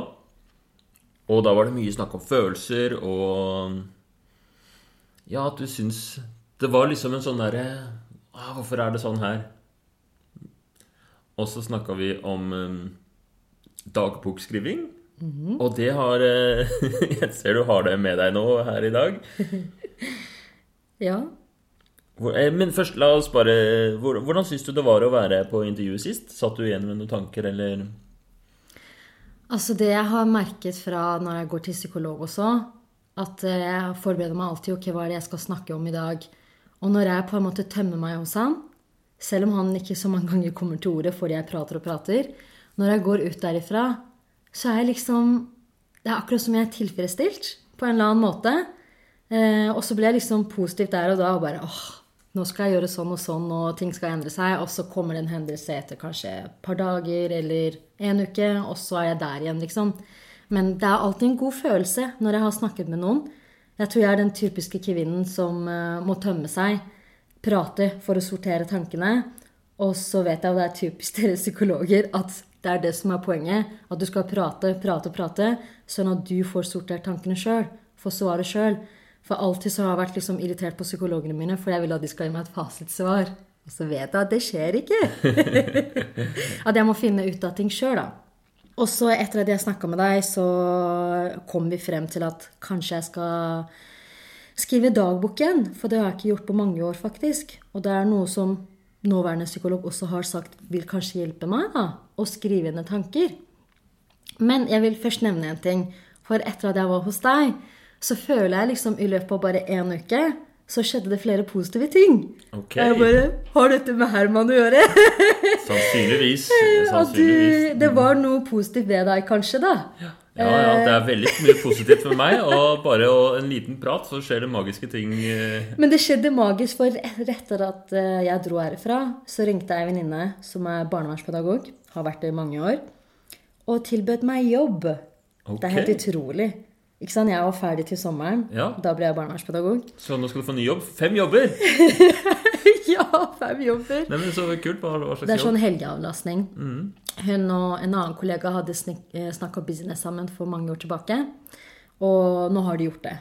Nå har de skaffa seg et firma, organisasjon, kall det hva du vil, og det er for barn og ungdom. Det er helgeavlastning. Og det som er morsomt ikke sant? Jeg er hos deg og snakker om eh, alle de vonde tingene jeg syns om meg sjøl, og bla, bla, bla. Og så sier hun ja, jeg ringer deg fordi eh, du er en så bra person. Du er jo så positiv og bla, bla. Og jeg sa til henne vet du hva, det er så morsomt at du nevner det der nå, for jeg var akkurat på en podkastinnspilling. Og hvor jeg liksom fortalte mye om alt jeg ikke er. Og da sa hun 'Å nei, sliter du om dagen?' Jeg bare nei, nei, nei, nei, det handler ikke om det. Bare sånn generelt. Så jeg tenkte 'Å, herregud, det var veldig positivt'. En annen positiv ting som skjedde, var at i helgen så skulle jeg, jeg avlaste for en gutt på åtte år. Eh, og så jeg møter han en gang i måneden, og så finner på hyggelige ting sammen. Eh, sånn at moren kan være sammen med tvillingsøsteren. Og så Det her er første gang det skjer på fire år at han vil plutselig ikke henge med meg. Så jeg møter familien, og så han bare 'Nei, ikke sant?' Og vi bare 'Oi, hva er det som skjer?' Og så sier moren 'Jeg må bare gå og snakke med han'. Så går han bort og snakker med han, og han nekter. Han vil ikke på kino med meg, for han elsker det. Han vil ikke kjøre trikk. Han vil ikke på kafé. Så kommer moren tilbake og sier 'Du, han er veldig bestemt nå'. Han vil, han vil ikke i dag. Og så tenkte jeg, for jeg er jo på jobb, jeg vil jo gjerne bidra, ikke sant, og de timene, da. Så plutselig så dukker det opp i mononet så sier jeg, du, hva med at jeg butter, at jeg henger med datteren din, og du er med sønnen din? Jeg vet ikke, bare, bare en tanke, og hun jeg bare så moren strålte, og så sier til dattera, for hun har nemlig sagt før at hun misunner at eh, broren henger med meg, og ikke hun. Og så sier hun til dattera, vil du henge med Mariam i dag? Og så sier hun, kult! Ja! og det blir til at jeg henger med henne, rett og slett. Eh, og hun med sønnen, da. Etterpå, når vi eh, møtes, så sier hun Jeg vil bare si at det var veldig sporty og kult av deg. Herregud, jeg måtte ringe moren min og fortelle om det. Jeg bare, ja, men det skulle bare mangle. Hun bare nei, det er ikke det. At du liksom kom på den tanken. Og nå skjønte jeg at sønnen hadde savnet moren. Han også har på en måte misunnet at kanskje søstera er sammen med moren hver gang. Skjønner du? Fy søren, så perfekt. Så enda en positiv ting på en uke. Så jeg vet ikke Herman, om det er takket være deg, eller at det bare skjedde tilfeldig. Ja, det kan hende at eh, Jeg vil jo gjerne ta æren for det, men jeg vet ikke helt hvordan jeg skal det. altså. Men det var jo fint at du hadde uh, Det der å, å være fleksibel og være sånn Ja, men hva hvis være løsningsorientert istedenfor å bli sånn Å ja. Fordi egentlig det kunne jo vært et problem, det der som skjedde. Mange kunne blitt satt ut, eller Og typisk mange som var sånn Nei, men jeg kan jo ikke bytte, det blir jo helt feil, eller Men den derre ledigheten og bare Vi finner en løsning. Jeg, mm. jeg går på kino med søster istedenfor Ja, ja. Mm, I stedet for å Å ja, nå kan jeg ta meg fri. ja? Det er det sikkert mange som hadde tenkt. Så jeg, eh, jeg må innrømme da, det er sjelden jeg ser på de bra tingene jeg gjør, at jeg blir litt stolt av meg selv der og da. Liksom at ja, som du sier, det var en god løsning, da. Um, så det er liksom disse positive tingene har skjedd i løpet av en uke, og så har jeg hatt én negativ hendelse.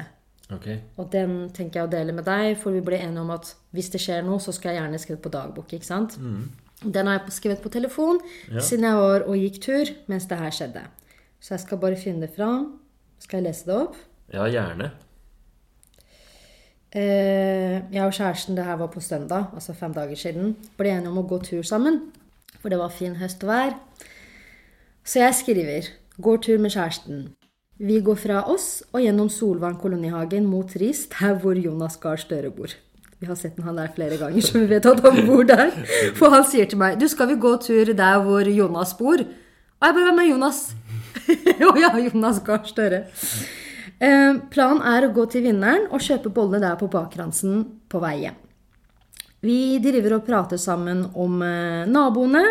Om at eh, dattera til naboen hadde fest her om dagen.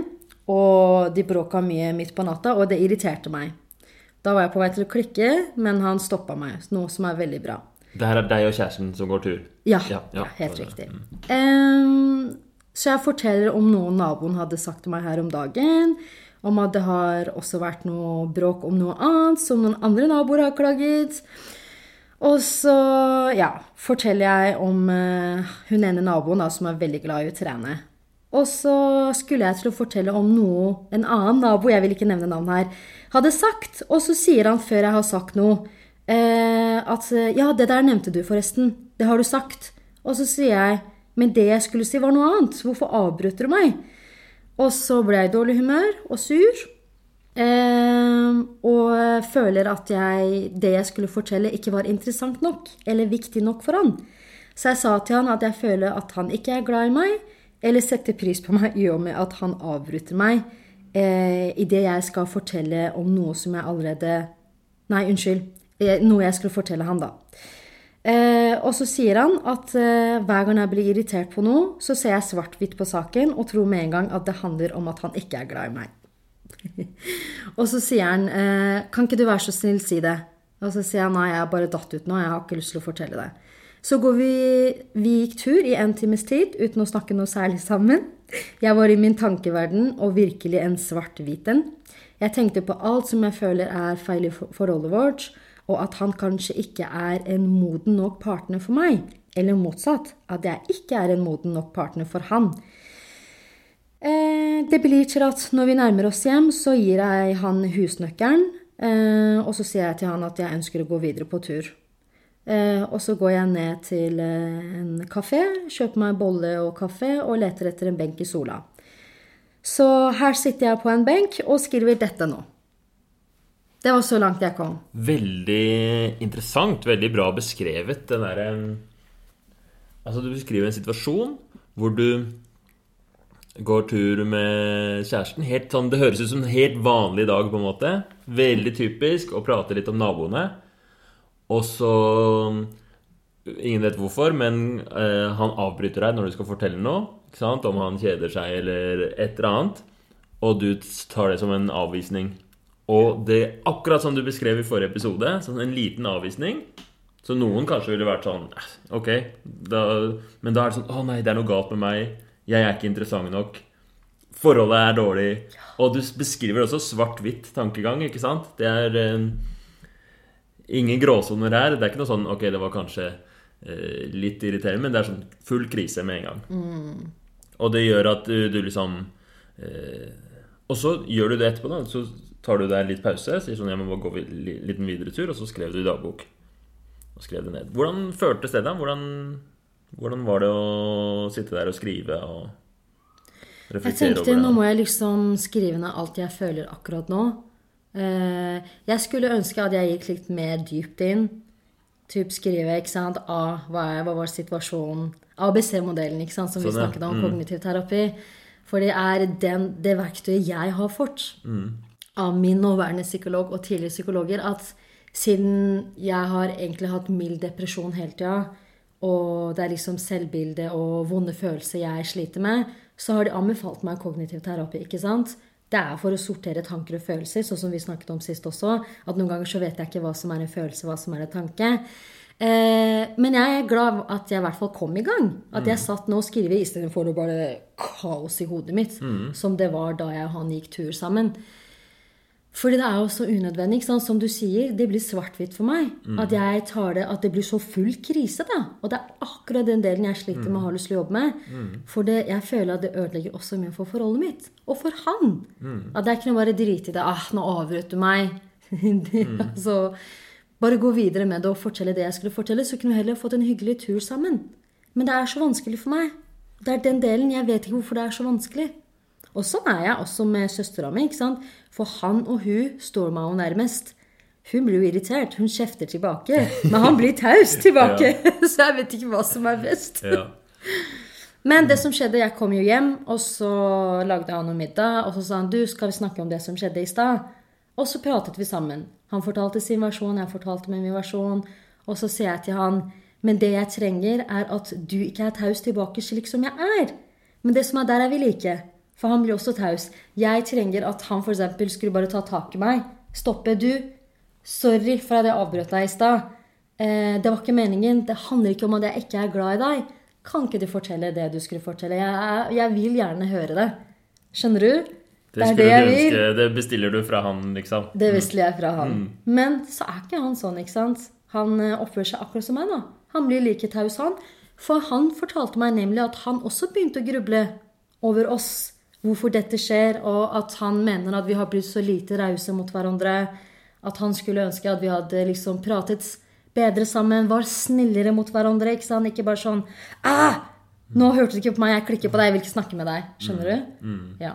Så det var, det var jo kjempebra at vi pratet sammen. Han fortalte sin versjon, jeg fortalte min versjon. Ikke hadde vi nødvendigvis blitt enige, liksom. Men eh, så sa jeg til han Kan vi bli venner nå? jeg syns det er så fælt å liksom være sur på han og være taus. Liksom. Ja. Så det ordna seg, kan du si. Ikke sant? Så jeg vet ikke om det skyldes at jeg gikk videre på tur da, og sorterte ned tankene. For noen sånn situasjon har skjedd før. At vi går tur sammen, et eller annet skjer, og så blir jeg sur, og så blir vi tause begge to. Kom igjen, like tause. Helt til det går noen timer, og så på kvelden kan han plutselig si Du, er du fortsatt sur på meg? Skal vi prate? Ja. Så det var kanskje bra at jeg tok en pause og gikk tur videre sjøl, da. Ja, jeg tror det. Jeg tror det var veldig bra. Og, og også det å eh, Ja, jeg, jeg tror hele prosessen hørtes ut som en veldig sånn sunn, konstruktiv måte å håndtere følelser på. Altså mm, Ja, du sier jo at du skulle ønske at eh, eh, du ikke hadde fått de følelsene og sånt noe, men, men, eh, men eh, det, det her var helt sånn Det var veldig bra. Det var akkurat sånn. Og selv om du sa at det var, du skulle ønske at du hadde gått dypere og ABC-teknikken og sånt, så er dette Det her er jo basically det samme, liksom. Det er ikke en stor forskjell. Det her er helt eh, topp. Ja, det er en begynnelse. Det er veldig bra. Uh, og du syns, syns du det å skrive Så du syns det å ta pause, det var viktig for deg? Syns du det å skrive hadde noe å si, liksom? Var det, Hjalp det noe? Jeg var veldig klar over at ok, nå trenger jeg å gå tur videre. Kanskje jeg har litt klump i halsen. ikke sant? Det er kaos i hodet mitt. Planen var at vi skulle kjøpe bolle. ikke sant? Det er noe jeg liker godt. Og så tenkte jeg ok, jeg går og kjøper meg det, og så må jeg finne en benk. Det var jo, Sola skinte jo. ikke sant? Det var jo søndag. Folk går tur. Og det er det jeg også ønsker. Så jeg syns det var deilig at jeg satte meg ned på en benk, liksom sola skinte, og så bare liksom observere mennesker rundt, og så skrive dagbok. Og det som var morsomt, var at et par som gikk forbi meg, og du ser hvem som er på date, hvem som ikke er på date. Og da husker jeg liksom jeg så kroppsspråk, så tenkte å herregud, jeg er så glad jeg ikke er der nå. Eh, hei, hei! ja! det er så kleint, den der første daten. Eh, så når jeg var på vei hjem, da, når jeg gikk hjem, da var ikke jeg så sur som det jeg var i stad. Men med en gang jeg kom hjem, så var jeg sånn Hallo. Men eh, det var i hvert fall den episoden som skjedde nå i løpet av en uke, som jeg skrev ned. Men så har jeg eh, funnet den gamle dagboken min til deg. Oi. uh, og den dagboken her eh, er fra 2016-2017. Ok, ja, se for her har de en, en lekker rosa prikkete skrivebok. Ja, som jeg fikk i gave av min søster. Uh, og hun har også skrevet til meg i begynnelsen av dagboken at hun takker for at jeg stiller så mye opp. Og hun har skaffet meg den dagboken, for hun vet hvor glad jeg er i å skrive dagbøker.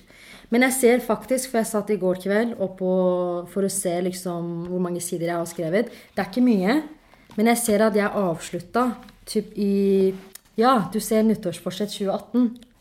Oi! Så det, det ser ut som for to år siden. Ja, slutta jeg. Da tok det slutt. For her skriver jeg om barnevernsstudiet, hva det handler om.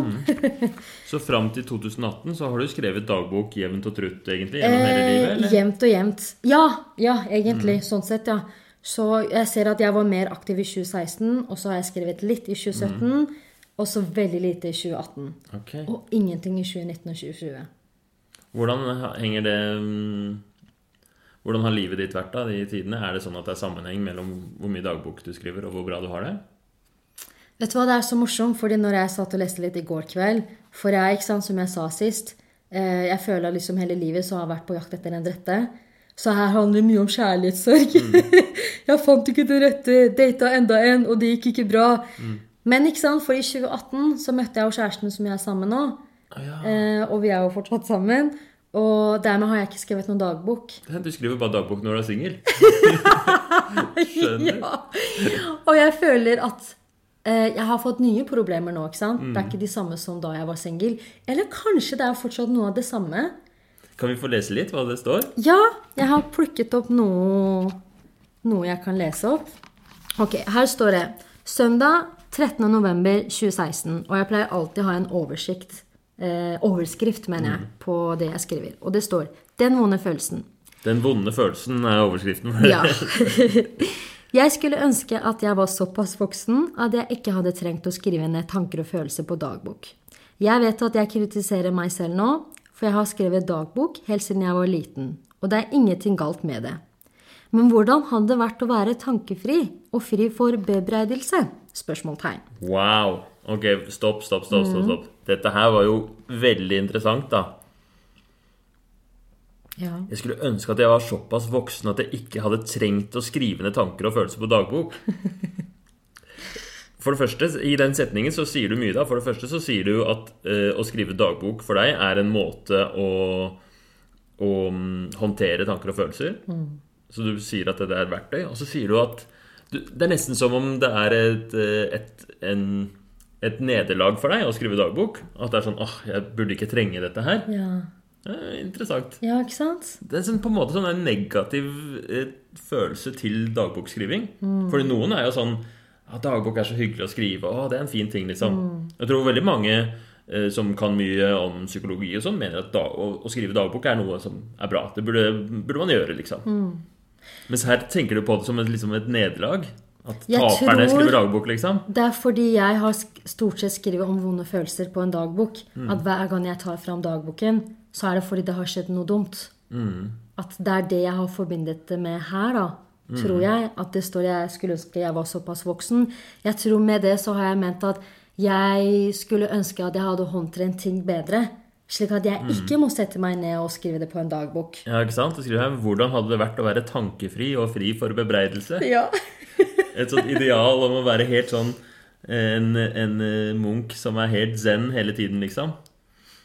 Der sa du Det det. er, mm. det er målet ditt. Eller det er et sånt ideal du har. Eh, Veldig sånn motstand mot egne følelser og tanker. Jeg har det. For jeg syns det er vondt å være lei seg. At jeg har ikke lyst til å være lei meg.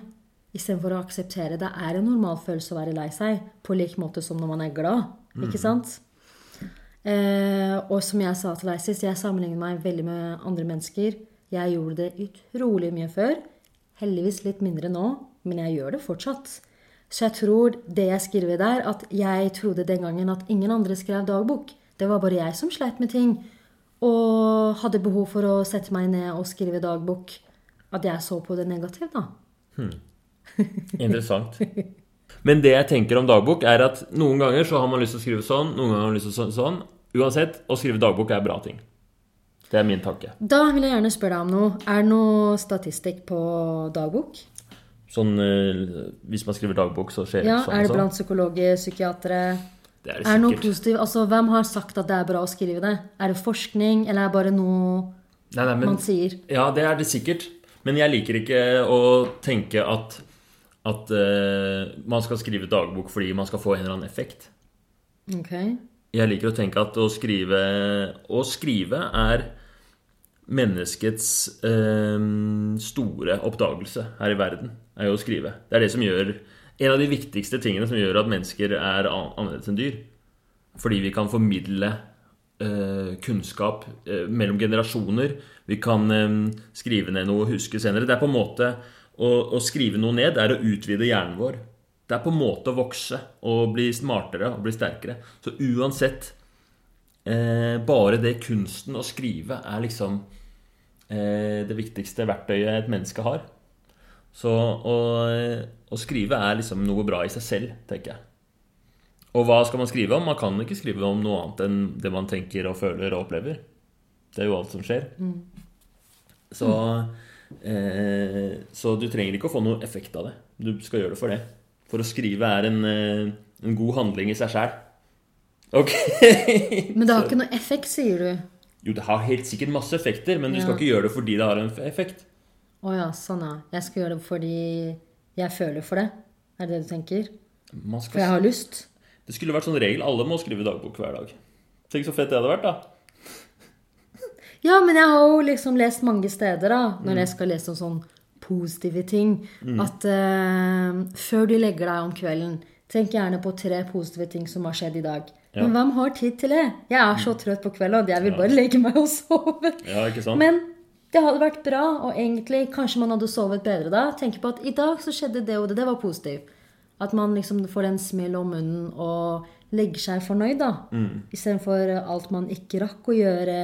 Hvorfor er det egentlig sånn? Men jeg føler ikke at kanskje ikke alle mennesker er sånn, da. Kanskje mange legger seg lykkelig, glad. Jeg tror det er Jeg tror vi alle har masse problemer, og det er jo også hovedproblemet for meg, det der med å få Og så glemmer jeg det. Og problemet med Eller hvis man tenker sånn Ok, hvis jeg skriver dagbok, så blir jeg mer lykkelig, eller eh, blir eh, jeg, jeg slipper å jeg, Problemene mine blir borte, liksom. Og så skriver man dagbok, og så har man ikke tid, og så, ah, så blir det liksom en sånn negativ greie. Em, jeg tenker at um, Jeg tenker at em, Det er derfor jeg også bare ofte skriver sånn helt banale ting. ikke sant? Om at jeg eh, var på trening og Per kom for seint. Fordi eh, det, det, det, for, det trenger liksom ikke å ha noe effekt for at det skal være bra. Da. Og det trenger ikke å være noe fantastisk. Jeg skal skrive klokka er, klokka er fire, jeg sitter på en benk, og det er sola skinner, men det er litt kaldt. Eh, hyggelig å hilse på deg i dagboka mi, liksom. Men eh, det jeg lurer på, er For du spør om sånn Har det noen effekt? Har det noe sånn Er det noe forskning? Det kan godt hende det er. Eh, Men har det noe Altså, du har jo mye erfaring med det selv. Det er liksom Den viktigste forskningen er jo hvordan man merker det, eksperimenterer på seg selv. Har du, hva, din, hva tror du er effekten på deg av å skrive dagbok? Hva tror du det gjør med deg? Nå tenkte jeg på at ikke sant, når jeg, jeg har mange dagbøker ehm, Når jeg ser tilbake på det og sitter og leser Jeg ler jo, ikke sant? Det er morsomt. Og herregud, var det sånn jeg tenkte? Og den gangen jeg var 20 år å, Noen ganger ble jeg sånn litt lei meg. Og tenk at liksom jeg hadde den følelsen. Stakkars den 20-åringen meg. ikke sant? Også som når jeg satt og leste litt i det her også i går kveld. Jeg ler jo litt, og så ble jeg litt flau òg. Og herregud, var det sånn jeg tenkte? Men jeg har nevnt det et eller annet sted i dagboken også. At uh, jeg har blitt litt eldre og ser bedre på ting enn da jeg var yngre. Og nå tenker jeg det samme når jeg leser dagboken. Selv om dette er bare fire år siden. ikke sant? Skjønner du hva jeg mener?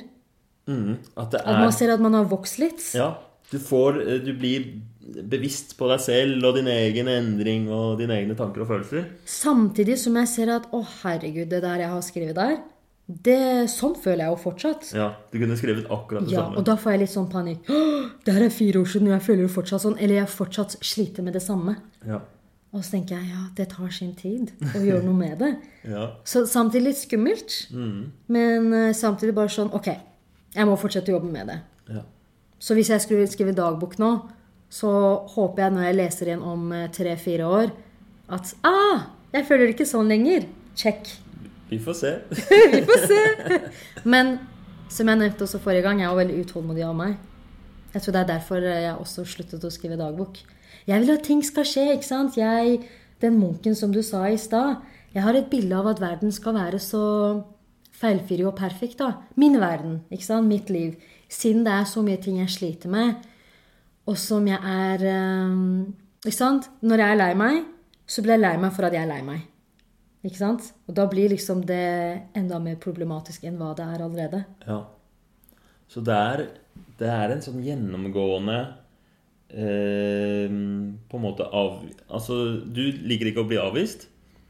Og så er det, når vi leser her, ikke sant, så er det en gjennomgående avvisning av deg selv og verden, egentlig.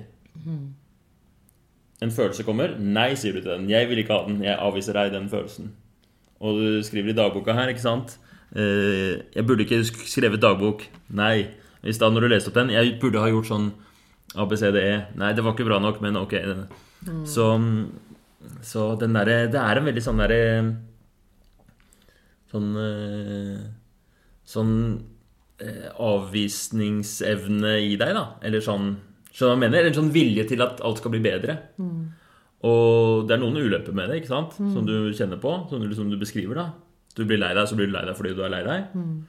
Og så er det noen fordeler på med det òg, da. ikke sant? At det, det du skriver om at, Eller det du sier om at du hele tiden vil utvikle deg. Du kommer hit og bare 'Hva skal jeg gjøre? Jeg vil bli bedre'. Og altså, for en kjempeegenskap å ha uh, i, i arbeidslivet og i, i når du studerer og sånn. Altså så å være så lærevillig og så være Så det er Hvis du hadde bare akseptert alt og vært sånn zen helt perfekt, så er det ikke sikkert du hadde endret karriere, valgt å studere barnevernspedagogikk. Ikke sant? Da hadde du vært fornøyd med det du hadde. Så, men øh, jeg Det gir deg jo mye smerte, da. Det gjør det. det gjør det. Og det er morsomt du nevnte det. Fordi et eller annet sted i dagboken så har jeg skrevet eh, Jeg har kalt overskriften for eh, 'positiv innstilling'. Og det, og det var liksom en gang jeg hadde besøk av ei venninne, og hun fortalte om noe, da. Kan, kan jeg lese det? Ja, ja, ja, det må vi få lese det. Fordi jeg syns det var så interessant at ok, endelig, det er ikke bare noen vonde følelser jeg har skrevet om, men også noe positivt. Jeg dropper litt av i begynnelsen, for da har jeg skrevet hva jeg har til helgen osv. Og så står det at eh, i dag fikk jeg besøk av Charlotte. Eh, hun hadde jeg ikke sett på flere måneder. Det var kjempehyggelig. Jeg lagde en jævlig sterk søtpotetsuppe, og vi skravlet om hvordan det går med oss. Jeg bare la merke til hvor bra og positiv innstilling Charlotte har til livet. Og det fikk meg til å tenke på nordmenns innstilling til livet generelt. Vi snakket om jobb og karriere og kjærlighetslivet. Den gangen var jeg singel. Siden det kan hende at kjæresten hennes kanskje har en genetisk feil som kan gjøre at de ikke får barn, eh, så er ikke hun så veldig lei seg for det. Eh, og da sier hun til meg videre at hun kan eh, enten adoptere eller få fosterbarn. Det går helt fint, sa hun.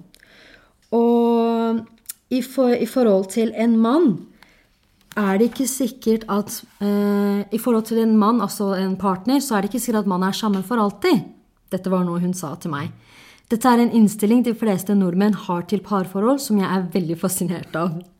Man kan være i et forhold og ha det fint sammen, få et familieliv sammen osv., men det er ikke sagt at de kan være sammen for alltid, for ting kan skjære seg.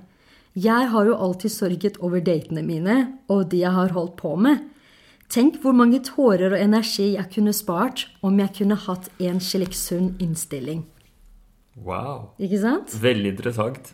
Altså, vi burde ha fem-seks timer til å analysere den dagboken fra fire år siden, da. Men mm. For husker du jeg nevnte til deg sist at jeg misunner dere nordmenn og den innstillingen dere har? At hun sier til meg at hun og kjæresten har vært sammen i mange år. Eh, men om en dag det skjærer seg, liksom. Ting kan jo skje, sier hun. Eh, og at de har kanskje funnet ut at det er mulig at de ikke kan få barn sammen dersom han har en genetisk feil. Med en gang hun sa det, så ble jeg sånn Å, herregud, jeg håper ikke det skjer med meg noen gang. Ja. Da får jeg panikk, liksom. Og da tenker jeg, hvor viktig er det med egne barn? At hun sier Men da kan vi adoptere eller få fosterbarn. Oh my god, det er så bra positiv innstilling til livet! Du ble veldig imponert over det der at hun klarte å være så avslappet i forhold til disse vanskelige temaene, liksom. Istedenfor å sitte der og si 'Å, jeg er så lei meg'. Altså, jeg tenker, hvis det var meg Jeg har vært så mange sammen med denne kjæresten min. Hvorfor er livet så urettferdig? Hva har jeg gjort?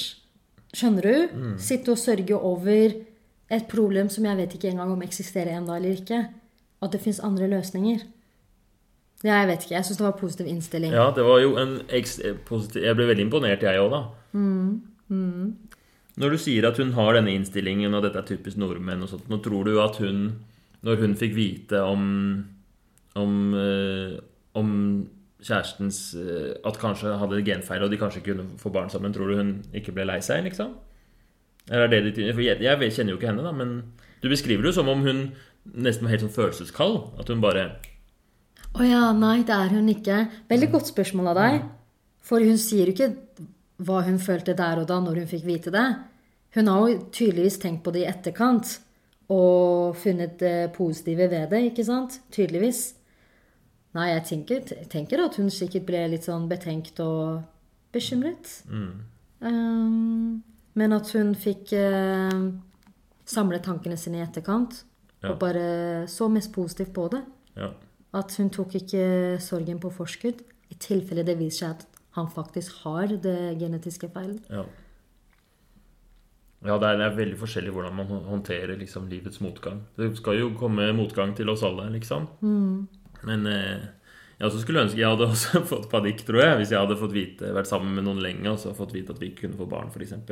Jeg hadde ikke syntes det var lett, jeg heller. Jeg tror ikke jeg, Selv om Jeg må bare si det, fordi, fordi eh, jeg tror ikke nordmenn er sånn emosjonelt stabile alle sammen. Jeg har møtt mange emosjonelt ustabile nordmenn, bare så du vet det. Men eh, det er greit. Det er helt uh, veldig interessant å lese disse innleggene. For ikke sant, etter at hun var hos meg den dagen, det her er altså fire år siden, så fikk Nei, det er tre år siden, sorry. Så fikk det meg til å tenke på at fy søren at hun tenker sånn, for da var jeg i en jobb jeg ikke trivdes i. Så videre den dagen, ikke sant, så var jeg sånn, da var jeg positivt. At jeg skal ikke sørge over jobben, eller at jeg der og da var singel og sånne ting. For jeg ser jo at jeg skriver videre. Du har litt lyst til å lese. Ja, les videre. For jeg skriver i forhold til jobben. At man prøver å At jeg tenker i forhold til den jobben jeg var i. At jeg må prøve å ta de utfordringene og gjøre det beste ut av arbeidsoppgavene. Istedenfor hele tiden å være på, jakt etter drømmejobben eller å bytte jobb. Men heller prøve å vokse der og da i den situasjonen man befinner seg i. At Charlotte sier jeg kan treffe en når jeg minst venter det, vet jeg er sant. Jeg må bare lære meg å trives i mitt eget selskap og singeltilværelsen. Og det er ikke sagt at å være i et forhold er nødvendigvis lykke. Jeg vet selv at jeg må bruke tiden fremover og jobbe med den innstillingen jeg har, og bare la det synke inn og akseptere at jeg ikke har møtt den rette helt riktig ennå. Wow. Altså, når du skriver dagbok, så kommer det så mye klokhet og Altså, fantastisk. Da var jeg klok ja, og positiv fordi jeg hadde akkurat møtt henne. ikke sant? Men er ser du at jeg nevner at det å nødvendigvis være i et forhold er ikke lykke? Mm. Og jeg fortsatt er på jakt etter lykke? du ler. Ja, jeg syns dette er så bra. Mm. Jeg føler den dagboken tar over jobben min, men ok, det Nei, det gjør det ikke. For jeg eh, tenker ikke så positivt som da jeg gjorde det faktisk akkurat nå. Hvordan føles det å lese opp eh, dette her nå, da? Eller- Først og fremst er jeg så takknemlig for at jeg og hun fortsatt er venner sammen. Mm. Altså at tre år senere så hun jobbforslag til meg, og hun sier hun hadde ikke gjort det med hvem som helst. Det er fordi hun ser noe bra i meg. Du er et bra menneske, sa hun når hun ringte meg forrige uke. Det er derfor jeg ønsker at du skal bli, bli en del av oss og jobbe sammen med oss. Eh, jeg tenker det er mye creds. Det må jeg virkelig klare å ta til meg. Eh, også i forhold til det med lykke. jeg tenker ikke sånn nå. Jeg er fortsatt på, på jakt etter lykke. Hva er det å være lykkelig? Vet du? Der satte du meg fast. Men når du sa i stad liksom at du, du har også møtt på mange nordmenn som ikke er emosjonelt stabile Det kan være sant, men eh, jeg føler de vennene jeg har i livet mitt, de er veldig sånn sikre på hvor de er. Det bildet i hvert fall jeg får av de, ikke sant? Ikke sikkert at alle de er det. Og ingen av dem, altså alle sammen er konfliktsky. Husker jeg sa det sist? De gråter ikke. Veldig sjelden. Eh, men så føler jeg at hun her er veldig ekte. Eh, så jeg tror ikke hvis hun hadde vært lei seg, at hun ikke hadde vist det til meg heller. Men jeg har aldri sett henne ulykkelig eller lei seg eller klage over noe. Skjønner du? Jeg skjønner hva du mener. Interessant du sier det der med ekte. Ja. At eh, det er en, du ser på det som en god kvalitet i em, For det er jo den beste kvaliteten, liksom. Og det er ikke alle som eh, Nei. Jeg bare tenkte over det. Jeg tror ikke hun er en person som har noe å skjule. Jeg ser Mm. noen andre venninner at når jeg spør hvordan går det, så sier de nei, bare bra. Så tenker jeg ah, det må være noe der, ikke sant? Men de vil, de vil ikke dele det videre. Er du ekte, syns du? Både ja og nei. Jeg gjør meg jo til noen ganger. Jeg også viser til andre at her er det ting bare bra, jeg er så positiv person og alltid i godt humør. For ikke sant, når folk skal beskrive meg, så sier de du er alltid i godt humør, det er så deilig å se deg sånn. Og det har gjort til at jeg tør ikke, når jeg møter andre mennesker, å være noe annet enn glad Å ja. og i godt humør. ja. Men du klarer jo ikke å la være. Du gråter jo så lett. Jeg gråter lett, ja, men det er sånn venninnene mine ville beskrevet meg, altså. Okay, ja. Eh, og det føler jeg legger en press på meg. Kolleger og alt sånn også. Så hvis jeg er sur, så vil jeg ikke vise det fram. For da mister jeg imaget mitt. Skjønner du? Interessant. Og det er slitsomt. Det kan jeg tenke meg er slitsomt. Og... For med en gang jeg er litt stille, så spør folk meg Går det bra. Er det noe galt? Jeg hater det spørsmålet. Oh. Og jeg føler jeg har selv gitt dem den forventningen. Du spør om jeg er ekte, ikke sant? Så jeg, også det er noe jeg streber med. Hvorfor må jeg alltid smile og være glad? Men samtidig er det også en del av meg. Med en gang jeg møter noen, så kommer smilet automatisk på. At Selv om du ikke er glad for å møte dem, liksom? Ja, fordi jeg vil være vennlig. Den vennligheten, ikke sant? Det er akkurat som å være høflig, ha respekt for andre mennesker. Det er automatisk inni meg når jeg møter et annet menneske jeg kjenner, da, skal smile. Wow. Ok, vi må oppsummere litt her. det var jo utrolig interessant å, å eh, få høre fra dagboka di. Jeg syns eh, det virker som eh, dagbokskriving for deg er noe som du både liker, men også, også har liksom noen negative følelser til. Men at eh, når du prøvde det denne uka her, så var det en, en god erfaring, sånn jeg forstår det. Og så mm, ja, tror jeg det er eh, Jeg eh, syns dette her for det første har blitt et så interessant intervju, hele både den forrige samtalen og den her. Jeg tror så mange kan ha, ha glede av å høre på det. Jeg tror mange vil kjenne seg igjen. Og mm, eh, jeg vil egentlig bare si tusen takk for at du har, eh, har stilt opp. Og delt så gledelig av deg sjøl, liksom. Bare hyggelig. Jeg må jo innrømme at jeg har delt utrolig mye personlige ting. Som jeg, for jeg vet ikke hvor mange personer kommer til å høre dette, men det er sikkert en del. Eh, det sa faktisk kjæresten til meg i går kveld, at det her er veldig modig gjort av deg. Han ville aldri delt personlige ting med noen andre. Eh, men jeg gjør det fordi jeg vet at når jeg har hørt på andre sjøl, om det er gjennom podkast eller andre sosiale medier, at det er så godt å se at andre kan også være i samme situasjon. At jeg hører meg sjøl. Så jeg gjør det, det her også for at andre kan kjenne seg selv, da. Det er akkurat det. Det er akkurat det der. Det er ganske modig og mm, raust og mm, eh, veldig nyttig for folk. Og så vil jeg bare si en siste ting, Herman. At uh, du skal bli psykiater, ikke sant? Og det er mange som kommer til å stille deg de spørsmålene jeg stilte deg i stad. Hva er lykke? Ja. Hva er det å være Jeg må lykkelig? finne et bedre Du må finne ut av det! Ja, Ja. greit. Greit. Bra. Da var det en lille utfordring fra meg som din pasient. Tusen takk for, for utfordringa.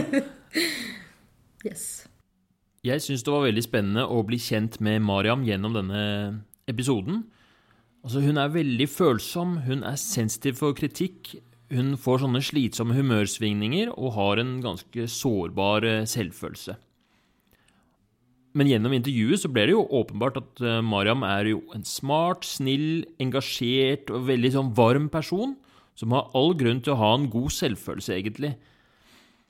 Men samtidig så er det ikke så rart at hun føler som hun gjør. Altså I løpet av livet så har hun opplevd masse utrygghet. Hun har levd i fattigdom og på flukt. Hun har blitt forlatt av faren sin og moren sin på forskjellige tidspunkt.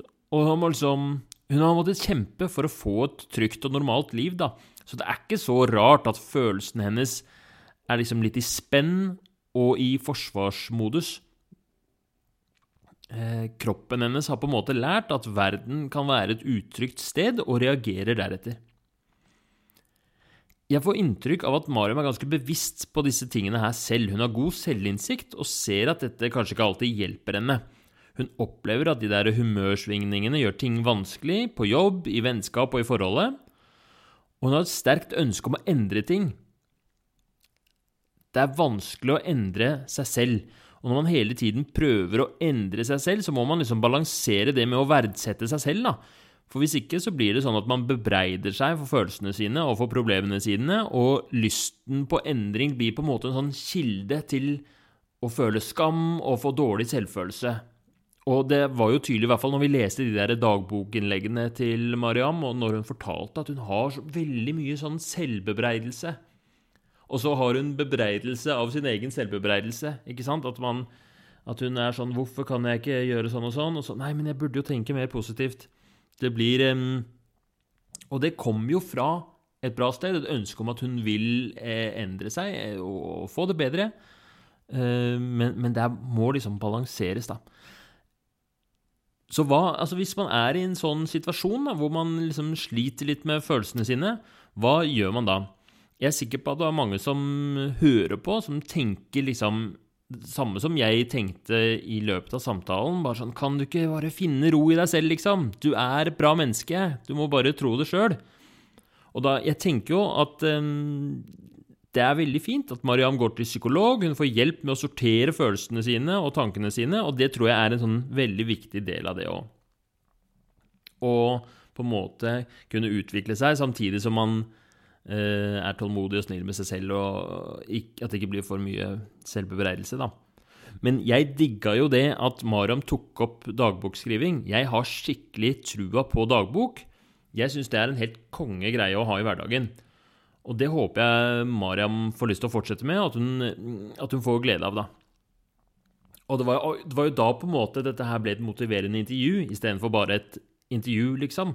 Fordi i utgangspunktet så er ikke motiverende intervju eh, spesielt egnet for å snakke om Eller for å hjelpe folk med følelser eller selvfølelse eller sånt noe. Det jo, handler jo om å skape endringer i levevaner og sånt noe. Men jeg tror fortsatt det er egentlig passa veldig bra i denne situasjonen, fordi med en gang man knytter og man har et eller annet problem ikke sant, som er komplekst, som handler om selvfølelse, så kan man liksom eh, skifte litt fokus og på noe litt mer sånn enkelt og håndgripelig og greit. Liksom, nå er det snakk om dagbok. Og, og ha en slags sånn teori. Hvis jeg skriver masse dagbok, så kanskje selvfølelse og sånn eh, Det hjelper med det. Men først og fremst skal vi konsentrere oss om den dagboken. Og da blir en sånn endringsprosess mye mer sånn eh, på en måte beleilig og enkel og grei, da. Fordi hvis du skal liksom prøve å endre deg sjøl, liksom, din personlighet, hvordan du forholder deg til kritikk, alle disse tingene, så blir det så fort gjort at man havner i det der selvbebreidelseskjøret, da. Men hvis man satser på sånn Nei, jeg skal bare være flink og skrive dagbok, og det er min greie, liksom, det er noe jeg setter pris på, så blir det mye mer sånn enkelt, og det er ikke så farlig hvis du Nei, nei, datt jeg litt ut av skrev, Har ikke skrevet dagbok på et år, men jeg kom i gang igjen, og det er noe jeg liker. Jeg tror det er en fin måte å å utvikle seg på og gjøre endringer på sånne litt sånn eh, Ja, sånne dype ting ved å trekke det opp til noe sånne helt konkret, da.